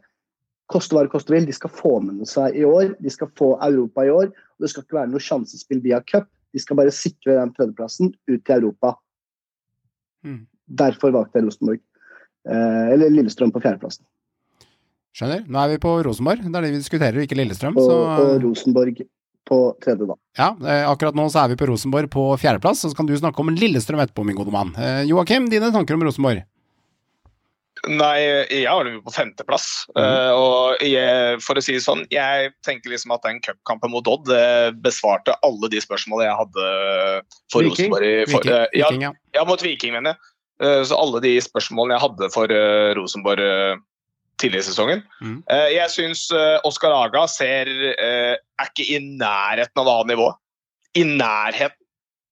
Altså, jeg, jeg tror ikke jeg har ingen tro på at det blir en spiller som skårer noe særlig mål. Jeg tror han kommer til å havne ut av laget, i, og noen andre av de andre kommer til å komme inn og ta den plassen. Men dem aner jeg ikke hvem er. Altså, Greit de klarte det i fjor, men altså, du kan, hvis du sier det er strengt Men jeg syns ikke det er strengt engang. Det var én spiller som sørga for at de gjorde det i fjor. Et, en, en spiller de fant ved flaks. Var helt, eller ikke flaks, det var sikkert noen som hadde sett den seg ut. Men det var kun Kasper Tengstedt som gjorde at Rosenborg tok den tredjeplassen i fjor. Og så flaks har de ikke i år. Eh, Det er jeg temmelig sikker på. Ikke flaks, da kan du dyktighet da, Johan. Eh, dy dyktighet på overgangsmarkedet i fjor. Jeg tror ikke de er like dyktige i år. Den skal da godt høres, i hvert fall. jeg, ja, og jeg syns ikke de ser like trygge ut bakover heller. Jeg ser, altså, de er trygge bak, og de kommer ikke til å slippe inn mål, men det er foran der så ser det av si de lagene som vi har på sånn mellom fem Altså de seks øverste plassene på vår tabell, så syns jeg kanskje Rosenborg er som ser absolutt svakest ut offensivt. Uh, og det er ikke heldig, for jeg tror denne sesongen her blir ikke noe lettere enn i fjor, og i fjor kara de til seg den tredjeplassen. uh, men jeg tror de sliter med det i år. Jeg tror de skal slite med det òg. De er avhengig av å finne en ny At en av disse nye spillerne slår ut i full blomst, og det tror jeg ikke de gjør, rett og slett. Så nei, jeg tror de havner utenfor med Ikke med god margin, de kan sikkert være med, men jeg tror ikke de får noen bronseplass, nei. Det tror jeg ikke. De, de hadde ikke vært i nærheten av bronse i fjor. eh, Hvis de ikke Uten Tengstedt. eh, Tengstedt. Uh, og jeg, sånn i anførselstegn, så kjøper Rekdal seg litt tid for å møte forventningene. Man snakker om forventninger i Vålerenga og sånn. Og dere snakker om at de tar alltid med seg noe. Men det er også en grense for hvor mye historikk skal ha å si. Da. For folk prater om at kultur sitter i veggene og sånn. Kultur er summen av alle, mennesker, alle menneskenes eh, handlinger hver eneste dag. Og laget er ganske ungt og spennende, det er jeg enig i. Og man kjøper seg litt tid for å møte de forventningene. For at Hvis man hadde kjøpt inn mer etablerte spillere, så ville det ikke vært akseptert i det hele tatt å bli nummer fire-fem i, Tro i Trondheim. Så det er eh, mulig at det er smart av, av Rekdal mens han bygger opp noe. Men eh, jeg ser ingenting nå. så Mot Kongsvinger nå, så var Kongsvinger bedre enn dem i store deler av kampen. Så kan jeg godt si at de vant likevel, men skulle da faen meg bare mangle.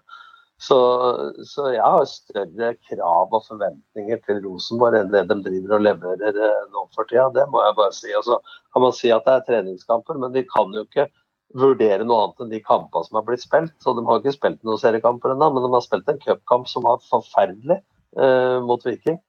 Eh, og det er det ingen tvil om. Har stor konkurranse på toppen av Rosenborg med, med Ingaston Thorvaldsson, Sæter og Sadiku. Eh, jeg har en liten sånn følelse da, på at eh, noen av de nye slår til litt, faktisk. Og blir en litt sånn, ikke Tengstedt-suksess, men som kommer til å på en måte levere ganske gode tall. da. Jeg, jeg er enig med deg, Joakim. Jeg tror ikke det blir Oskar Haga. Han tror jeg er, blir for lett og for, Mm. eh, for dårlig på det nivået her. Men jeg har litt trua på noen av de andre gutta der. Og så syns jeg de har, de har gode wingbacker i Cornic og uh, Tagseth uh, slash Pereira. Og så syns jeg at uh, Markus Henriksen hadde en veldig god sesong i fjor. Han, han må fortsette der. Jeg syns ankepunktet er sentralt på midten. Der er det temposvakt, og der er det lite fremoverretta. Der syns jeg de har en jobb. Jeg er spent på han Santeri, om han, eh, om han blir en forsterkning eller bare litt sånn stallfyll. Men Håvard, nå var jo Henriksen flytta på midtbanen nå i det siste. Jeg vet siste Eh, kamp, ja, men det er ikke sikkert han kommer til å spille der. Nei, men nei, du sier at de har konkurranse på topp. Det jeg er redd for, er at de har konkurranse av tre-fire spillere. Og det er for meg en svakhet, for jeg mener at de har konkurranse av folk på ikke høyt nok nivå. Litt under det nivået Rosenborg, en Rosenborg-spiss skal ha, etter min mening. Ja, det er fint å høre på. og Vi blir jo ikke akkurat lystige til sesongen her, men, eh, men eh, Joakim har tippa de på femte. Håvard har kjørt tredje, Meran har kjørt tredje. Jeg har kjørt syvendeplass på Rosenborg. Syvendeplass, faktisk. Ja. Og jeg er femte. Og det er en grunn til det, jeg skal argumentere for det. Eh, For det første så er jeg veldig enig i veldig mye av det dere sier. Ehm, Det er bra keeper i RBK, eh, grei reservekeeper òg, men eh, det er grenser mye han kan redde. Forsvarsrekka er litt usatt, de gjør gode wingbacker. Eh, Tagsetten er ute til eh, 16. mai, og det vil si at eh, da har vi spilt åtte-ni serierunder og er sikkert ikke spilleklar for midten av juni, så vi mister han. Pereira er rufsete bakover. Eh, god offensivt, men det offensive sitter ikke. Det eneste de har, er om de bruker Broholm på venstre back. Eh, og eh, Henriksen har ikke helt satt om han skal spille midtbane eller, eller stopper. Jeg har ikke så trua på um, Yttergård Jensen bak der. Jeg syns han er litt temposvak. Eh, Jeg syns eh, Sam Rogers er spennende, og jeg liker at han har eh, svær tavle. Litt sånn Gabrielsen-tavle i Lillestrøm, men de mangler litt fart bak i forsvarsrekka si. Reitan har litt fart. Kornik er god, og det er bra, eh, så jeg gir litt poeng for det. Svak midtbane. Eh, svakest her hos meg at Henriksen må opp som midtbane i to siste matchene og på trening. Eh, jeg kan ikke se hvordan Rosenborg skal bryte ned lag uten å stå og dytte ball. Og så er det én veldig, veldig faktor som er Man kommer ikke unna det. Rosenborg har mista 50 målpoeng fra i fjor. Eh, Tengsted sto for 24. 24 eh, godeste Viktor Jensen sto for 10. Da er vi oppe i 34. Og Vecchia sto for 16. Det er 50 målpoeng. Tallet er 5-0. I tillegg til at godeste, eh, godeste Løven fra Singsaker er ute til 1. Også en 8-9 seriekamper. Han sto for 22 målpoeng. Så Rosenborg har 72 målpoeng unna den troppen. Nå skal han si at det, det er ikke bare det som betyr noe med en spilletropp. Men når Rosenborg var så avhengig av det i fjor, på at enkeltspillere sto fram, Når Rosenborg sleit, så fiksa Tengstedt biffen. Når Rosenborg sleit, så gjorde Sæter noe krumspring, og så var det to skåringer. Når Rosenborg sleit, så kom, kom Vekket og Fiken i krysset når de trengte det på overtid. Det har de ikke i år. De har Carlo Holse. Han er god, men han kan ikke gjøre alt aleine. Jeg mangler målpoengspillere. Jeg mangler en spiss som jeg sliter med skal skåre mer enn 10-12 mål i årets liga.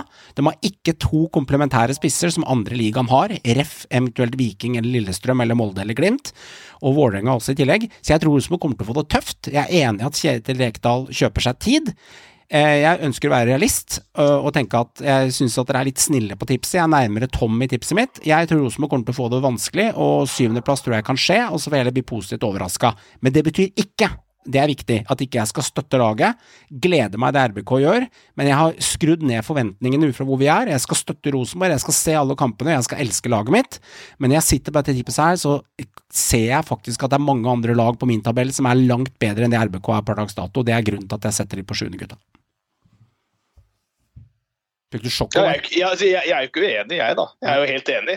Altså, Sjuende tror jeg er langt ned. Det tror jeg, jeg tror de går bedre, men Jeg tror ikke det Ja. er så langt ned, men Nei. kanskje jeg har vært uh, Kanskje mitt eget lag Brann skulle vært dytta opp uh, på mitt tips. Uh, Brann er eh, over hos meg. Ja, for Rosenborg har jo ikke sett bra ut, men eh, jeg tror, jeg tror de kommer til å være med oppe i medaljekampen. Det, det, det, det tror jeg. For Mm. jeg tror de kommer til å klare å justere seg inn til at de klarer å, å holde det liksom i live. Og så, får de en slags sånn åpenbaring på noen av de gutta de har henta. Mulig. Og argumentet mot det er at jeg er enig med deg om at det er mye spennende, det er mye som kan slå til, men det blir veldig sånn Ole Brumm, hvis som hva som kan, og hvis du håper, og kjærlighet det er et lag som må spilles inn. Ja, og du, ha, du er litt Eh, søt over, du er litt romantiker, og kjærligheten i deg forteller liksom at du ønsker liksom innerst inne, selv om du ikke er Rosenborg-supporter, at det hadde vært kult hvis spillere som Jaden Nelson, det hadde vært kult hvis spillere som, eh, som Broholm, Nypan, eh, Vannenen, eh, Ingasson, Thorvaldsson slår til, og Aga flikker noen skåringer, men det er veldig mye usikkerhet, og de andre lagene er også gode, og alt det her skal gå i et samspill sammen, og så er det mye nytt. Skarsheim er ute, Bjørkeie er ute, Sæter er ute. det- er mye. Ja, Det er mye her. Nå, igjen nå gjentar vi oss sjøl. Ja. Jeg er ferdig med Rosenborg. Eh, lag nummer tre, gutter. Eh, men Rosenborg samlet eh, fra eh, Synseligaen sitt tips. De ender på fjerde, eh, og det er samlet som betyr noe her. Eh, lag nummer tre, hvem er det, Tom? I Synseligaen sitt tips, hvem tror du? Er vel Lillestrøm? Det er Lillestrøm, og jeg kan starte der òg, jeg, så, eh, siden jeg har myndigere akkurat nå. Lille, Jeg har dem på treet sjøl. jeg har dem på treet. Uh, argumentet mitt på at Lillestrøm er på tredje Jeg tipper dem høyest av oss gutter, hvis utenom Tom sitt tips. Jeg tipper klink eh, Lillestrøm på tredje. Det er for at det er solid keeper, solid stopperekke, gode backer, eh, fin midtbane. eh, Fått inn eh, Hoffaren der til slutt også. Eh, jeg syns det er veldig bra, og de har to komplementære spisser. Og jeg tror Lillestrøm er inne på en god bane. Eh, for å gjøre det kort og enkelt, så tror jeg de har kanskje det mest slagkraftige laget, og en ganske ok bredde med jevne spillere å sette inn. Det er min tanker rundt Lillestrøm, uten å gå på spilleplan og taktikk og sånt. Om det kan du ta. Det var ikke så lenge siden du var negativ. Da har det snudd litt den siste tida. Men eh, de har jo henta litt siden det. Ja. Eh, jeg er også veldig trua på det spissparet, faktisk. Jeg, jeg, har fått med meg at de har, uh, har slitt litt med samhandlinga mellom Akor Adams og Lene Olsen eh, på det spissparet, men det bor jo unektelig målpoeng i de gutta der. Mm. Det er jo kanskje eh, det spissparet med nesten størst potensial som en rent spisspar. Og så syns jeg jeg tror at Ruben Gabrielsen eh, er en veldig god signering som leder både på og utafor banen. Og så tror jeg også det er en viktig signering med Vebjørn Hoff. Jeg tror han kan stabilisere det laget og er en veldig, veldig god signering. Og så har de jo Gjermund Aasen, som jeg tror kanskje kan få en liten opptur i år, faktisk. Jeg syns han lever, leverte variabelt i fjor. Mm. Jeg tror han kan bli, eh, kanskje ta et lite knepp opp. Så, så jeg har også trua på LSK. Eh, for meg så er jeg ganske sikker på at jeg tippa dem eh, jeg vel, er vel, eh, det fjerde på meg, kanskje. Men, men at de kommer til å kjempe om medalje, det er helt klart. Du har femte Håvard på Lillestrøm, og Meran fjerde. Ja, eh, LSK de er solide. Og Det overrasker meg stort hvis ikke de er med og kjemper der oppe. Mm. Der eh, Jeg følger jo laget tett, og de brukte de første treningskampene på å kjøre på trening også, kjøre to jevne elvere. og jeg var litt imot det. altså Til å begynne med er det greit, men jeg syns de gjorde det litt lenge. og Det tok en stund før Kor og, og Lene spilte sammen. Eh, I og med at de har gjort om fra 3-4-3 til 3-5-2. Eh, så uavhengig av samhandlinga på de på topp Nå har eh, Lene skåret i fem kamper på rad, og Mm. Akor i fire av de fem siste, selv om de ikke har samhandla så mye. Det er det ene. Men de har faktisk eh, Vindheim som kom, skada. Eskil Ed opprett for andre gang, eh, har begynt å løpe nå. Eh, Lars Ranger har vært veldig ustabil og er taktisk svak, men han eh, trente ikke, spilte ikke sist og trente ikke i, i dag. Så der er det Kristoffer Tønnesen gjorde det meget bra mot Odden nå, selv om han er venstrebein, som høyre wingback. Mm. Så gikk ikke Philip Slørdal til HamKam, han kan også brukes der. Ruben Gabrielsen har jeg tatt litt i anførselstegn, fordi at han har vært ute i podder og sagt at eh, preseason er noe dritt og altfor langt, og jeg kan veie 95 og ned til 89, opp til 95 og ned til 89 igjen i løpet av preseason. Fantastisk fyr. Gjør laget bedre enn en eh, Ogbu, sånn som leder. Men jeg savner litt at eh, nå har sesongen begynt med to cupkamper. eh, Sånn som han var i Tromsø i annen omgang i cupkampen, der forventer jeg at han skal ligge som leder på utafor banen. Eh, Så spørsmålet er nå Jeg tror at eh, Tønnesen spiller, og laget ser ut som i det siste. Det eneste spørsmålet er nå er hvor tidlig han kjører inn Vebjørn Hoff. For Magnus Knutsen har spilt sentralt, og det er veldig bra så lenge de fører kampene. Men jeg syns Vebjørn Hoff kom inn mot Odden og var bra, og jeg syns også Magnus Knutsen er bedre som indreløper. En som har skuffa litt i vinter, for å avslutte det, det er Ildren Ibrahim Mai. Som som indreløper har ligget veldig smalt og veldig ballsøkende, og ofte feilvendt. Sånn at de ikke har greid å skape to mot én på kant i like stor grad. Så jeg syns i annen omgang nå mot Odd, når Vebjørn Hoff kom inn, så var faktisk Yldren Ibrahimai spiss nummer to sammen med Lene når hun valgte å hvile Akor Adams, og der var han faktisk mye bedre. Så han var mer rettvendt i den rollen og som wing i fjor enn det han har vært som vinnerløper. Så, så jeg er litt spent på samhandlinga, og jeg vet at Geir Bakke ikke er så fan av 3-5-2 rent offensivt pga. vinkler, og syns det er lettere å skape to mot én på kant i 3-4-3. Men uh, når du har Akor Adams og Thomas Lene, så trumfer det på en måte formasjonen. da. Ja, ser Så sånn sett så er Lillestrøm breiere, og fram til Vebjørn Hoff kom, så syns jeg at stallen var breiere og bedre enn i fjor, men at elveren var kneppet dårligere. Men med Vebjørn Hoff på plass, og de får skadefri høyrebekk, så syns jeg laget ser hakket bedre ut. Og nå har det vært nummer fire to år på rad, så jeg syns det vil være en naturlig målsetting at de skal ta kneppet opp til trea. Altså, hvis jeg hadde satt opp nå etter cupkampen og sånn, så tror jeg faktisk jeg hadde putta Lillestrøm over Rosenborg. Det har du. Eh, det har jeg ikke. eh, men jeg står, altså, for jeg er litt innpå det som eh, Tom er innpå helt på slutten der, Mm. som er litt poenget. Nå har de hatt to fjerdeplasser. Mm. Og, og er, jeg veit ikke. Det er kanskje, dette er kanskje det tipset som går mest hos deg hos magefølelse hos meg. Mm. Jeg tror rett og slett ikke de Jeg tror de får en liten kjip sesong. Jeg Mm. tror mm. de får en sesong hvor ting ikke stemmer. Okay. De har hatt to sesonger nå hvor veldig mye egentlig har stemt, og ting har gått bra, men det har liksom aldri blitt noe. Mm. Uh, Og da er jeg litt eh, liksom enig. Enten så må det liksom bli bronse, det må bli medalje. For det blir ikke fjerdeplass igjen. Uh, Men jeg har, jeg har litt jeg vet ikke, en liten gefeeling da, på at vi får en liten nedtur nå, rett og slett. Det, det er det jeg føler. Men bare sånn faglig vurdering til slutt, hvis vi har et minutt eller to. Det er at på våren i fjor eh, så forventa ikke folk så mye av Lillestrøm. Sånn at de var gode på dødball og tok ofte ledelsen i kampene, og det gjorde at kampene ble mer åpne. Og når Lillestrøm lå i toppen da, så begynte motstandere, spesielt på Åråsen, å ligge lavt i 5-4-1 osv. Og Lillestrøm ble litt svekka på dødball, og de spilte veldig mye på ei side, og det ble litt temposvakt. Så den der angrep på et etablert forsvar, det var hovedpoenget, pluss motspillet. Nummer to var at med den skadesituasjonen på Akor og flere spillere i fjor, Tom Petterson osv., så, videre, så var det treningshverdagen til Lillestrøm besto av fire-fem juniorer på treninga istedenfor to knallharde, gode elvere.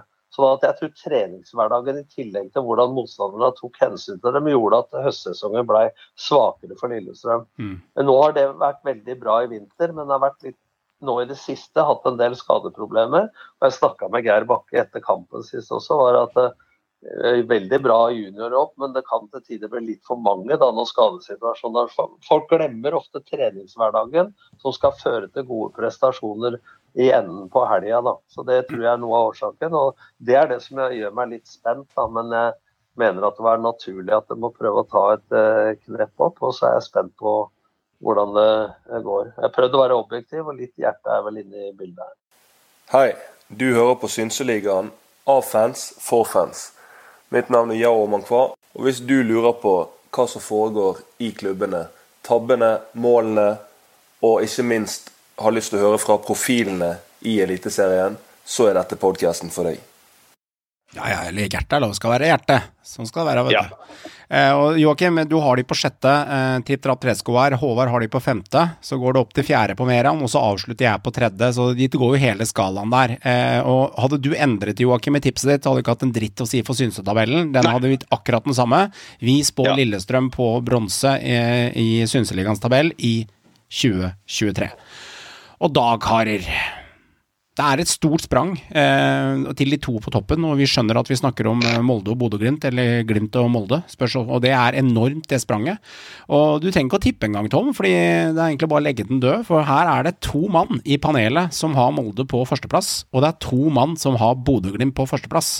Så oppgaven din, Tom, det er å slå hammeren i bordet og kjøre litt av minihårføner og avgjøre til slutt hvor Synseligaen skal legge disse to laga. Men før det så skal vi diskutere det lite grann. Fordi Joakim og Johan kjører Molde på førsteplass. Håvard og Meran kjører Bodø-Glimt på førsteplass. Så det vil si at de havner dødt løp på denne tabellen. Og det er 2-2. Det er ingenting som skiller oss, og Tom må avgjøre til slutt. Eh, Men jeg er veldig nysgjerrig, Håvard. Hva er grunnen til at du tror Glimt tar det gullet, og Molde blir vippa ned i år? Det som uh, bikka det litt for meg, var faktisk at haiken ble uh, henta.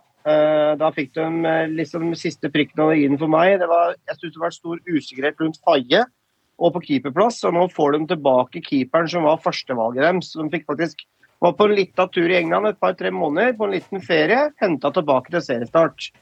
Og så har de eh, så tror jeg at de unge, de unge der, sånn som Hugo, veit jo hva han står for. Men jeg tror at Grønbekk han får ordentlig gjennombruddet. Jeg tror at, eh, at Sugil eh, kan bli en, en mann å regne med, i hvert fall etter at Mbuka drar. Og så var det selvfølgelig viktig å ha Mbuka der til sommeren. Det var en kjempedeal for Glimt. Bjørkan er tilbake.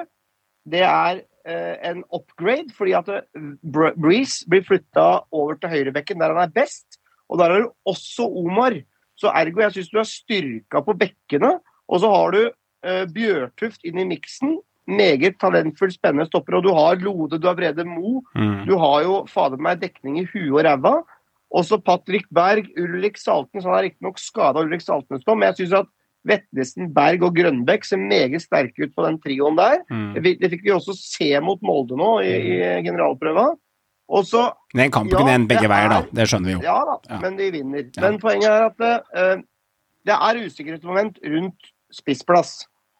Men jeg tror allikevel at Espejord og, eh, og Farris de kommer til å skåre litt mål. Mm. Og, det, og de kan også rullere litt hvem som spiller ute fra kampbildet. Så for min del så, så er Glimt akkurat hakket foran. Eh, Joakim, eh, du setter Molde øverst. Eh, hva er grunnen til det? Grunnen er jo at Molde var det desidert beste fotballaget i Norge i fjor, og de er, jeg ser på dem som sterkere i år enn de var i fjor. Okay.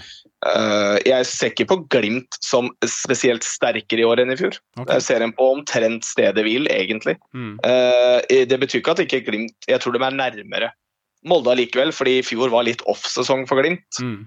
Eh, men jeg, altså, jeg syns det er vanskelig å se, da. Eh, altså, når, altså, Brynesen slutter jo aldri å skåre mål. Mm. Eh, og så har du Berisha stående bak deg, og så kan man begynne å snakke om Faris Peni som noe spiss. Altså, eh, det er ikke i nærheten engang. Han kommer ikke til å være nærheten av de spissen som Nei, nei, nei, men, nei, men øh, nå har du altså, det, altså, Poenget mitt er at de, jeg syns også de er bredere Mm. og bedre. Ja. Jeg syns midtbanen til Molde er bedre enn midtbanen til Glimt. Kanskje ikke Elveren. Mm. Uh, Elveren er ganske, det er de ganske gode begge to. Kanskje til og med Glimt hakket bedre med alle friske. Okay. Uh, men alt bak så syns jeg Molde er bedre. Og jeg syns også de har jo Forsvaret har de jo i hvert fall fått litt flere folk inn i. Mm. Og gjort litt mer At de er litt tryggere nå for skader og lignende enn de var i fjor. Uh, og så har jo de greit at Haikin er kanskje den beste keeperen, da, men altså Karlstrøm er ikke en dårlig keeper. Han er en ekstremt så, altså Molde har kvalitet i alle ledd. Uh, Mm. og, og de ser sterkere ut i år enn i fjor. Det er den korte fra meg. Og så Mm. tror jeg Glimt kommer nærmere. Jeg tror ikke de vinner med liksom 15 poeng i år. Det tror jeg ikke. For min del så er det litt det jeg har sett av, av Molde og Glimt i vinter. Jeg, Håvard var inne på det. det Glimt har rusta for for å vise at fjoråret, det skal ikke skje igjen. Nå skal du være med på dansen hele veien inn. Um, på et lavt nivå, hvor jeg ser, ser det fra, da, så, så, så, føles det ut som at Molde er et, litt tilbake til gamle synder, hvor jeg føler de slipper litt på gassen idet de leder. Riktignok treningskamper nå, det er preseason, det har ikke noe å si. Men det er en tendens vi har sett tidligere, ikke i fjor, men åra før. Det er skummelt. Det kan fort vise seg å være skummelt. At du blir litt for selvsikker. Du så hva som skjedde i cupen når de satt bremsen. Det endte med at du fikk den i ræva, og det ble dratt ut i en straffekonk, og de røyk ut. De skal være forsiktige at de ikke får unødvendige uavgjortskamper. Eh, og det er, det som gjør at jeg setter Glimt foran. Jeg føler meg bedre rusta. Mm. Um, det holder ikke med bare Veton for meg, for det er litt signaleffekten jeg har sett i, i vinter. Mm. Riktignok treningskamper, men jeg ser det sjøl. Okay. Ja, da skal jeg komme motargument og lene meg på, uh, mene meg på Joakim der. Og jeg vil ta tak i keeperen. Keeperen som de har fått på plass, Håvard, han, han var der i fjor òg, så han er ikke noe oppgradering fra i fjor. Uh, og da tok de den andreplassen. Uh, så Ja, men det er prikken på i-en. Ja da, det er prikken på i-en. Jeg er enig i det. spiss mot spiss, så tror jeg Veton er en sterkere spiss enn det Bodø-Glimt-spissen er. det har litt å si i enden av, av treet her. og så tror jeg Pellegrino ikke legger 36 målpoeng i 2023. Eh, det tror jeg skal godt gjøres. Han gjorde det i fjor, og gjorde det nesten samme for to år siden, og mellomsesong før der han var i Saudi. Men eh, han skal henge i for å gjøre det. Og Vetlesen skal henge i for å legge 22 målpoeng, slik at de gutta legger over 50 målpoeng på to mann. Jeg tror det skal godt gjøres, og ved å gjøre det i fjor, så fikk de andreplass. Jekker de seg ned 10-12-14% litt eldre, Vetlesen kan bli solgt for feit sum. Skjer det Det kan Ola òg. Det kan Ola òg, men jeg tror Molde har flere strenger. Og så er det kronargumentet mitt til slutt. Jeg tror at jeg setter Molde øverst. Molde vant den ligaen i fjor med 18 poeng. Jeg tror ikke Bodø-Glimt har trent seg til 18 poeng og tatt igjen i løpet av vinteren versus Molde. Derfor setter jeg Molde øverst. skal sies at eh, For å snakke liksom opp Molde, da, for det er jo det, jeg er enig med Joakim. Jeg, jeg tror det blir, det blir, det blir jev, mye jevnere i år. Og det er to soleklare lag som skiller seg. Dette er vi jo alle enige om. Ja, det er det. Fotball-Norge Fotball er enig om det. Mm, det, det. At det står mellom disse to lagene. Ja, ja. Uh, og, og, jeg syns at Mannsverk og, um, og, Breivik er jo to klassespillere de har. Der Molde, de har Linnes, de har Haugen. Ja, ja. De har Risa, de har Tidemann. De, altså de har et klasselag, Molde. Og, og Veton og, og Brynildsen og altså, dette, har vi, dette, har vi, dette, har vi, nevnt, dette skjønner vi. Det, ja, og det som er poenget mitt, at jeg, jeg må snakke litt opp de òg. Det er ikke dette, for, for, å si at det er ikke noe dårlig lag, dette her. Nei, nei, nei. Jeg, jeg ser den. Men, men uh, jeg, jeg, tror allikevel det som Jeg tror Pelle får en dårligere sesong enn i fjor. Men hvordan skal de ta men, gull da, når de er 18 poeng å hente? Tror allikevel at det står ikke bare og faller på han eller Det- Hugo. ja. Jeg tror at de andre gutta der, med Sugel, med Mvuka, men Mm. også med Farris Pemi og Espejord, Ja. jeg tror de kan levere OK med målpoeng. Og jeg Mm. tror de er også bedre defensivt i år enn de var i fjor. De slapp inn mye mål i fjor Mm. altså, i forhold til Molde. Så jeg tror at Glimt er rusta der, Mm. og det vil dikke det til deres favør. da. Hvem har den beste spissen, Håvard? Nei, det, det tror jeg nok er Molde, ja. Mm. Men du tror kanskje Molde har, Bodø-Glimt har tighta igjen mer bakover, så de slipper ikke inn 41 år? Det er poenget ditt? Riktig. Tom Nordli, ordet er ditt. Eh, Resonnement på begge to, og gi oss en konklusjon. Eh, At det var 18 poeng forskjell i fjor, er ingenting å si, for nå begynner begge med null. Eh, Ja, Goa ja, Nora det er en måte å se det på. Ja, la meg få fullføre nå. Ja, ja. God av Nora, Nora har vært og kan bli igjen. Dårlig av Nora har vært og trenger ikke å bli igjen. Mm. Eh, det å gjenskape en sesong har vist seg å være mye vanskeligere enn å vinne første gang eller første gang på flere år. Eh, 18 poeng ble det til slutt. Jeg tror aldri i verden den flyten f.eks. når Lillestrøm tar kort corner altså Måten Molde vant en del kamper på i fjor eh, høst, med 11-12 kamper på rad med seier, skjer ikke en gang til. Eh, så, så jeg, det blir kanonjevnt. Eh, og for meg da, så er det ikke sånn at jeg måler én spiss opp mot en annen. For meg så er dette samhandling offensivt og defensivt, og hvordan spillere utfyller hverandre. Mm. Så jeg er spent på hva Molde gjør med Eikrem, når Ola Brynesen og sammen med Veton. Her kan du innimellom få, plutselig få Veton på benken hvis det, man eh, den stjerna som Eikrem har. Eh, Ola fortsetter sånn som nå. Eh, så jeg har Bodø-Glimt faktisk i mitt tips, da, som jeg hadde i dødball før i dag, som ikke har kommet ut ennå, på, første. Okay. Fordi at jeg mener, jeg mener at de har mye breiere stall enn før, har rusta seg. Mm. De kommer til i større grad å ikke slite så mye på samme elveren som før. At de kommer til å rullere, men ikke så mye som Molde har gjort. Mm. De har rullert seg som mer enn har sagt bort fra gull en et par ganger før, om de ikke gjorde det i fjor. Mm. Så jeg har bare en sånn, uten at jeg kan forklare det mer, men jeg har en sånn følelse at eh, Bodø-Glimt har lært litt. Og avstand ble 18 poeng til slutt, men det er sånn kvalitetsmessig. Eh, så var ikke forskjellen så stor, men det ble det når du summerte. Eh, sånn at jeg tror Og så har de fått øvd mye mer. Fordi at motstandere knakk en kode og spilte 5-3-2 og spilte mann-mann osv. Det har jeg sett i vinter, selv om de ikke har topp resultater og vært rusk. Så ser jeg at de prøver i sin 4-3-3. Eh, hvis motstanderen gjør sånn, så går de bredere med indreløpere. Hvis de gjør sånn, så går de smalere. Altså det, jeg snakka med Geir Bakke om det. Altså de har så mange strenger å spille på Mm. innenfor samme formasjon. Ja. Så jeg tror at de har hatt veldig læring av spill mot spill i fjor for å løse den koden eh, som den knakk. Og så tror jeg sånn når det begynner i år, da, så kommer laga til å ta enda mer hensyn til Molde når de er favoritter hos de fleste enn før. Så jeg tror dette blir ganske, De 18 poengene tror jeg ikke har så mye å si, så tror jeg blir ganske utligna. Okay. Og for meg så er Bod- Bodø-Glimt en knapp eh, favoritt foran eh, Molde, for jeg bryr meg ikke så mye om hva som skjedde i fjor, egentlig. Eh, Fofana er borte, du har fått Veton, men Fofana han bandt opp en del spillere, for å si det sånn. Selv om han ikke lagde så mye mål. Mm. Så ja. Ja, men det er Så jeg tenker sånn sulten. så Jeg tror Bodø-Glimt er ekstremt revansjesugen. Mm. Det er litt deilig da, at det er så tight på oss fire synserne at vi må ha inn fotballeksperten her, gutta, for å, for å avgjøre hvem som tar gull i Det er ikke- 2023.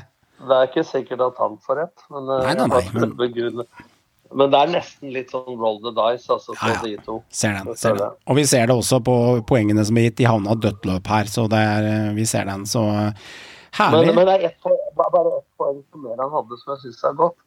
Og det er at eh, over tid så er det sjelden altså, For det fokuset Bodø-Glimt har hatt på utvikling, ikke på resultat, så slipper de seg sjeldnere ned når de leder enn det Molde gjør. Og jeg så det i cupkampen mot Stabæk også. Så, så jeg, jeg tror at liksom den sulten faktisk er Så får en bruke som motivasjon oppe i Molde, men jeg tror den er hakket bedre. Og så at det ikke er så resultatfokusert. Selvsagt skal de vinne, men eh, det at de hele tida tenker utvikling, utvikling, og jeg veit jo hvor punch eh, Kjetil Knutsen er. Det sier jeg stilte krav, men det er jo en fønmin i forhold til åssen de eh, er oppi der. Mm, mm. Så det skal ikke være lenge der hvis det ikke En ting til, jeg har lyst til å avslutte med det, Johan. Vær så god. Når Bodø-Glimt drar på treningsleir, fem uker borte, mest øde sted, eh, ikke biler, ikke opptatt av det, og den kulturen som jeg har inside fra andre eliteserietrenere, som du ser dem har på hele tida sulten for å bli bedre, hvor andre sier det er dårlig mat, det er kjedelig på La Manga, det er kjedelig på Marbella, jeg har vært der mange ganger før. Hvis du har den holdninga av Bodø-Glimt, så er du ute med en gang. Altså, dem, dem er der for å være superprofesjonelle, og det er, da snakker vi tilbake til episoden vi hadde før jul Mm. på Patreon, om, om kultur. Mm. Jeg sier ikke at Molde har dårlig kultur, ikke misforstå meg, Mm. men den er ekstremt rå oppe i Bodø, altså akkurat på det feltet der. Mm. Og det er sånne ting som ikke prates så mye om, men som jeg har fra folk som følger med enda tettere enn jeg gjør, da, for jeg flyr ikke rundt og ser på treninger lenger, men jeg har jo mine kilder. Så kultur, sult og evnen til at de ønsker å strekke seg, og Molde slipper seg ned i 2023, der ligger nøkkelen. Ja, pluss én ting til, og det jeg tror at de har lært mye av hvordan brytende lag som tar enda mer hensyn til dem enn det de gjorde tidligere. Ok. Da lar vi det være siste ord om tabellen, karer. Og tabellen ender sånn her, da. Eh, Åttendeplass Sarpsborg, Viking sjuende, Vålerenga tar sjette. Brann tar femte ifølge Synseligaen. Rosenborg holdes utafor pall på fjerde. Lillestrøm karer til seg et gul bronsemedalje på tredje. Molde tar sølvet, og Bodø-Glimt, de vinner Eliteserien 2023. Joakim, litt rundefakta. Nå er det jo bare en snau uke igjen til Eliteserien starter. Vi tenkte vi skulle starte med en eh, litt sånn eh, kosespalte. Du har jo tatt engasjement, engasjementet til det her. Det er sånn typisk sånn, sånn geekinfo som du syns er artig, så ordet er ditt. Ja, Dette er sånn jeg liker. Dette er sånn Gå litt eh, inn i materien og prøve å finne noe, finne noe informasjon som ikke nødvendigvis alle veit. Ja. Så dette tenkte jeg at jeg skal prøve å dra oss gjennom noe, finne noe artig statistikk som ikke kanskje nødvendigvis alle vet, eh, før hver runde. Så man kan se litt i forhold til kampene som skal spilles. ja, kjør i vei. Eh, Så jeg har tatt ut et par. Det blir ikke like mange på hver, for det har litt med hvor mye spennende info det er, og litt Ja, ja. hvor artig de er. Eh, Men hvis vi starter med Rosenborg Viking, da. Så kan vi jo starte med det at sist Rosenborg tapte hjemme mot Viking, var i 2005. Oi. Faktisk så er det nå gått 16 kamper på rad uten tap for RBK hjemme mot Viking, og kun tre av de har endt uavgjort. Mm. Så der ligger han til ganske god start på sesongen da, for Rosenborg, i hvert fall, hvis, i hvert fall når du legger til at uh, du må forvente mye mål. Mm. For de siste fem kampene på Lerkendal så har du en målforskjell på 19-2. Så da har du da en, et snitt på 4,2 mål per kamp. Mm. Så det kan være en god start på sesongen for Rosenborg. Eh, Ålesund-Enga, uh, ikke så veldig mye, ikke så spennende, eh, men du kan ta med at eh, det er veldig jevnt. Eh, de siste tilsvarende oppgjørene på Color Line er endt 2-2, 1-1, 0-1, 2-2 og 0-2. Okay. Så det er ganske jevne kamper. Eh, Så kan vi hoppe videre til eh, HamKam Sandefjord. Det, det som er mest interessant med den, er at disse lagene er veldig jevngode, sånn over snitt historisk. De møter hverandre 23 ganger, vunnet 10 og 11 ganger, og har en målforskjell på 39 mot 37 mål. Oi, den er tight. Så den kampen, Og det rare er, det ender jo veldig sjelden uavgjort. Oi. Så det er veldig tight på mål, men det er veldig sjelden de spiller eh, uavgjort og får ett poeng hver. Eh, Lillestrøm-Godset eh, de lagene har aldri møtt hverandre i en seriekamp noensinne i første runde. Dette er første gangen noensinne at de lagene møtes første runde i Eliteserien. Det har aldri skjedd før. Må med unntak av 2015, eh, hvor Godset vant, så har ikke hjemmelag hjemmelaget som spilte, tapt de siste 20 møtene disse har møtt hverandre. Så LSK vinner det spillet uavgjort på Åråsen, Godset vinner det spillet uavgjort på Marienlyst. Bare, bare et Mm. spørsmål der. Ja. Ikke Lillestrøm Gods i første serierunde 2021? Nei. I hvert fall ikke når jeg gikk gjennom eh, Og, og Viking i andre serierunde på Åråsen? Ja, du må ta det litt, da. Er du det? Nå må jeg da dobbeltsjekke det samtidig. Det tar dette litt Ja, lengre tid. For det kan være, her er det mye som jeg har gått gjennom, så det kan selvfølgelig hende. Men skal jeg ta en liten, kjapp Jeg- jeg- eh, jeg- sving mener- Jeg mener at det var uh, Kan være at det har sniket seg inn der. Når Lillestrøm gjorde om til 3-4-3 i tredje serierunde etter å ha tapt mot Godset i første og, og tapt mot Viking Det er vel vanskelig siden Men det starta serien i mai, kanskje? Ja, det ser ikke sånn ut, da. Det Nei, de, jeg tror ikke det. Nei. Det ser ikke sånn ut ifølge statistikken her. For de spilte mot hverandre 16. mai. Og det var ikke oppstarten i Eliteserien 2021. Ja, 2022, ja. Eh, Da møttes de i juni. Så nei, jeg tror de står seg, men altså, for all del, folk får arrestere meg, fordi det kan gå en glipp et eller annet sted. Fortsett, Joakim. jeg likte flytten din. Eh, Vi fortsetter litt til til Sarpsborg mot eh, Glimt. Eh, Der vinner jo stort sett Glimt, så det var ikke så spennende. Men det som er litt gøy, er at Sarpsborg har pådratt seg nøyaktig tre gule kort de fem siste tilsvarende oppgjørene. Oi, oi. Det er litt artig. Ja. Så de fem siste oppgjørene i Sarpsborg mot Glimt, så har de fått akkurat tre gule kort. Så der har du noe å spille på oddsen, selv om det er ikke lov til å reklamere for det, så ikke gjør det. Nei. Ikke gjør det. Vedde på kontoret i kommunen, der kan du vedde. Ja. Stabæk-Odd. Meran får sannsynligvis en veldig kjip start på sesongen, fordi Odd har et veldig godt tak på Stabæk på Nadderud. Okay. Eh, De har 7-3-2 på de siste tolv kampene. Så Stabæk har kun vunnet to av de siste tolv kampene på hjemmebane mot Odd. Så der kan det bli tungt, med han. Tromsø-Molde. Eh, Molde har to skåret totalt seks mål mot Tromsø både i 2022 og 2021 Mm, okay. altså totalt over to kamper. Mm.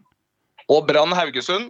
Eh, Brann er så å si akkurat like gode mot Haugesund, hjemme som borte. De har sju seire, tre uavgjort og fire tap på bortebane. Og sju seire, fire uavgjort og fire tap på hjemmebane. Så Brann har også et godt tak på Haugesund og kan da få en flying start på Eliteserien. Du, Joakim. Denne, bare... denne spalten her, den digga jeg. Jo sånn småjuicy ting med rødt kort og opplegg og utvisninger og samme dommer i samme, i samme oppgjør og alt mulig sånn tjafserier. Litt sånn der leken moro. Spot on la poitrée, vil jeg si til det. Helt konge. Det var kjempespalte. Veldig bra. Det blir litt sånn eh, rein faktainfo. Litt faktainfo, så kan fakta. folk tolke det som de vil. Og det er gledelig. Det er utrolig artig med en øh, lang episode, karer. Og til deg, kjære lytter, gå inn på Patrion.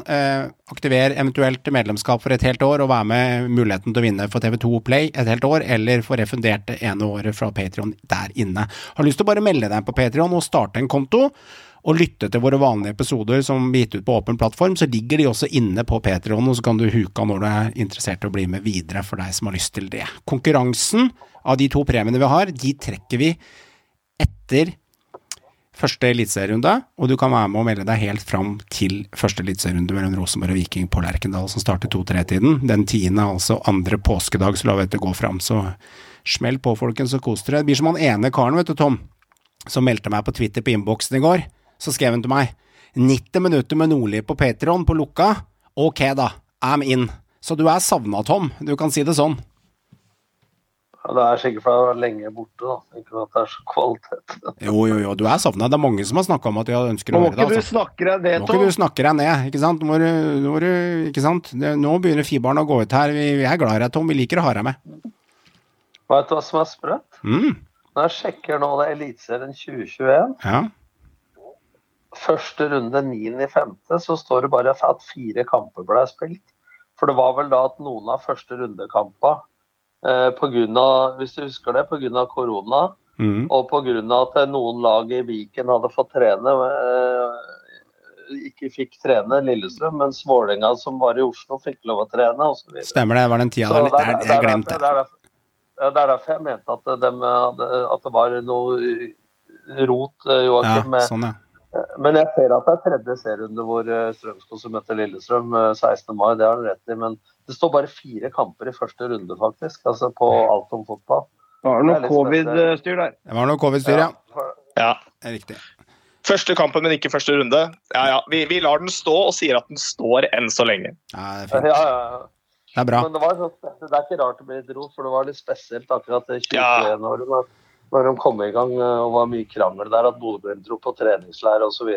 Stemmer, stemmer. Kjære lytter, kos deg masse. Ha en glimrende uke. Det er en snau uke til Eliteserien starter. Og hvis noen prøver å messe med deg i påsken og sier at du skal være med på et eller annet selskap eller ut og ta noe egg og noe hei og hå, du, Eliteserien, det står på agendaen, så bare rydd unna. Sørg for å backe det du skal holde på med, og ha kjøpt inn det du skal i kjøleskapet. Her skal ingenting tulles til.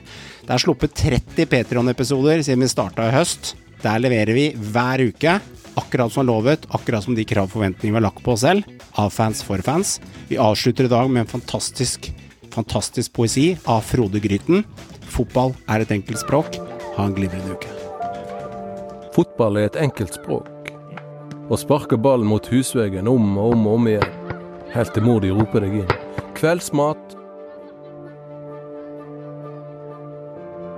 Fotball er en streit geografi. Angrep, forsvar. Borte, hjemme. To mål, dørlinje, sidelinje. Og en veteran som går med krittmaskiner før kamp. Mannen, den er, den er mjuk og fin. Fotball er et enkelt regnestykke. 4-4-2, 0-0, 5-1. To ganger 45 som skyter blodet ditt fullt av lykke. Fotball er lettfattelig algebra. Mamma med vaffeljern. Dommer i trøbbel. Ballgutt i 100. Trener i fritt fall. Oppmann med skitne drakter og sure sokker. Fotball er en enkel sang. På sitt aller vakreste når banen blir grønn etter grått. Og himmelen over stadion fremdeles er blå. I år blir det gull. Gull! Fotball er en komplisert sang. Når skal det bli gull? Når skal det gå veien? Når er det vår tur?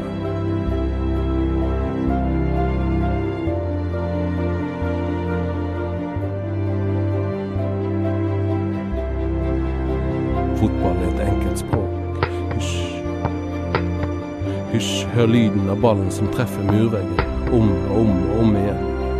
I Kjøpmannsgata i Ålesund, på Kjensål i Stavanger, i Markus Tranes gate i Ski, i Dybdalsvei i Trondheim, i alle gater i hele Norge.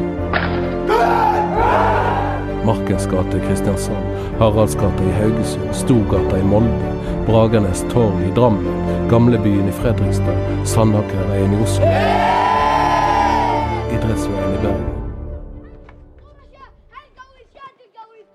Fotball, det enkle språket.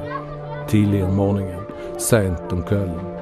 Helt til skumringa kommer og mor di blåser i fløyte. Kom heim, kveldsmat.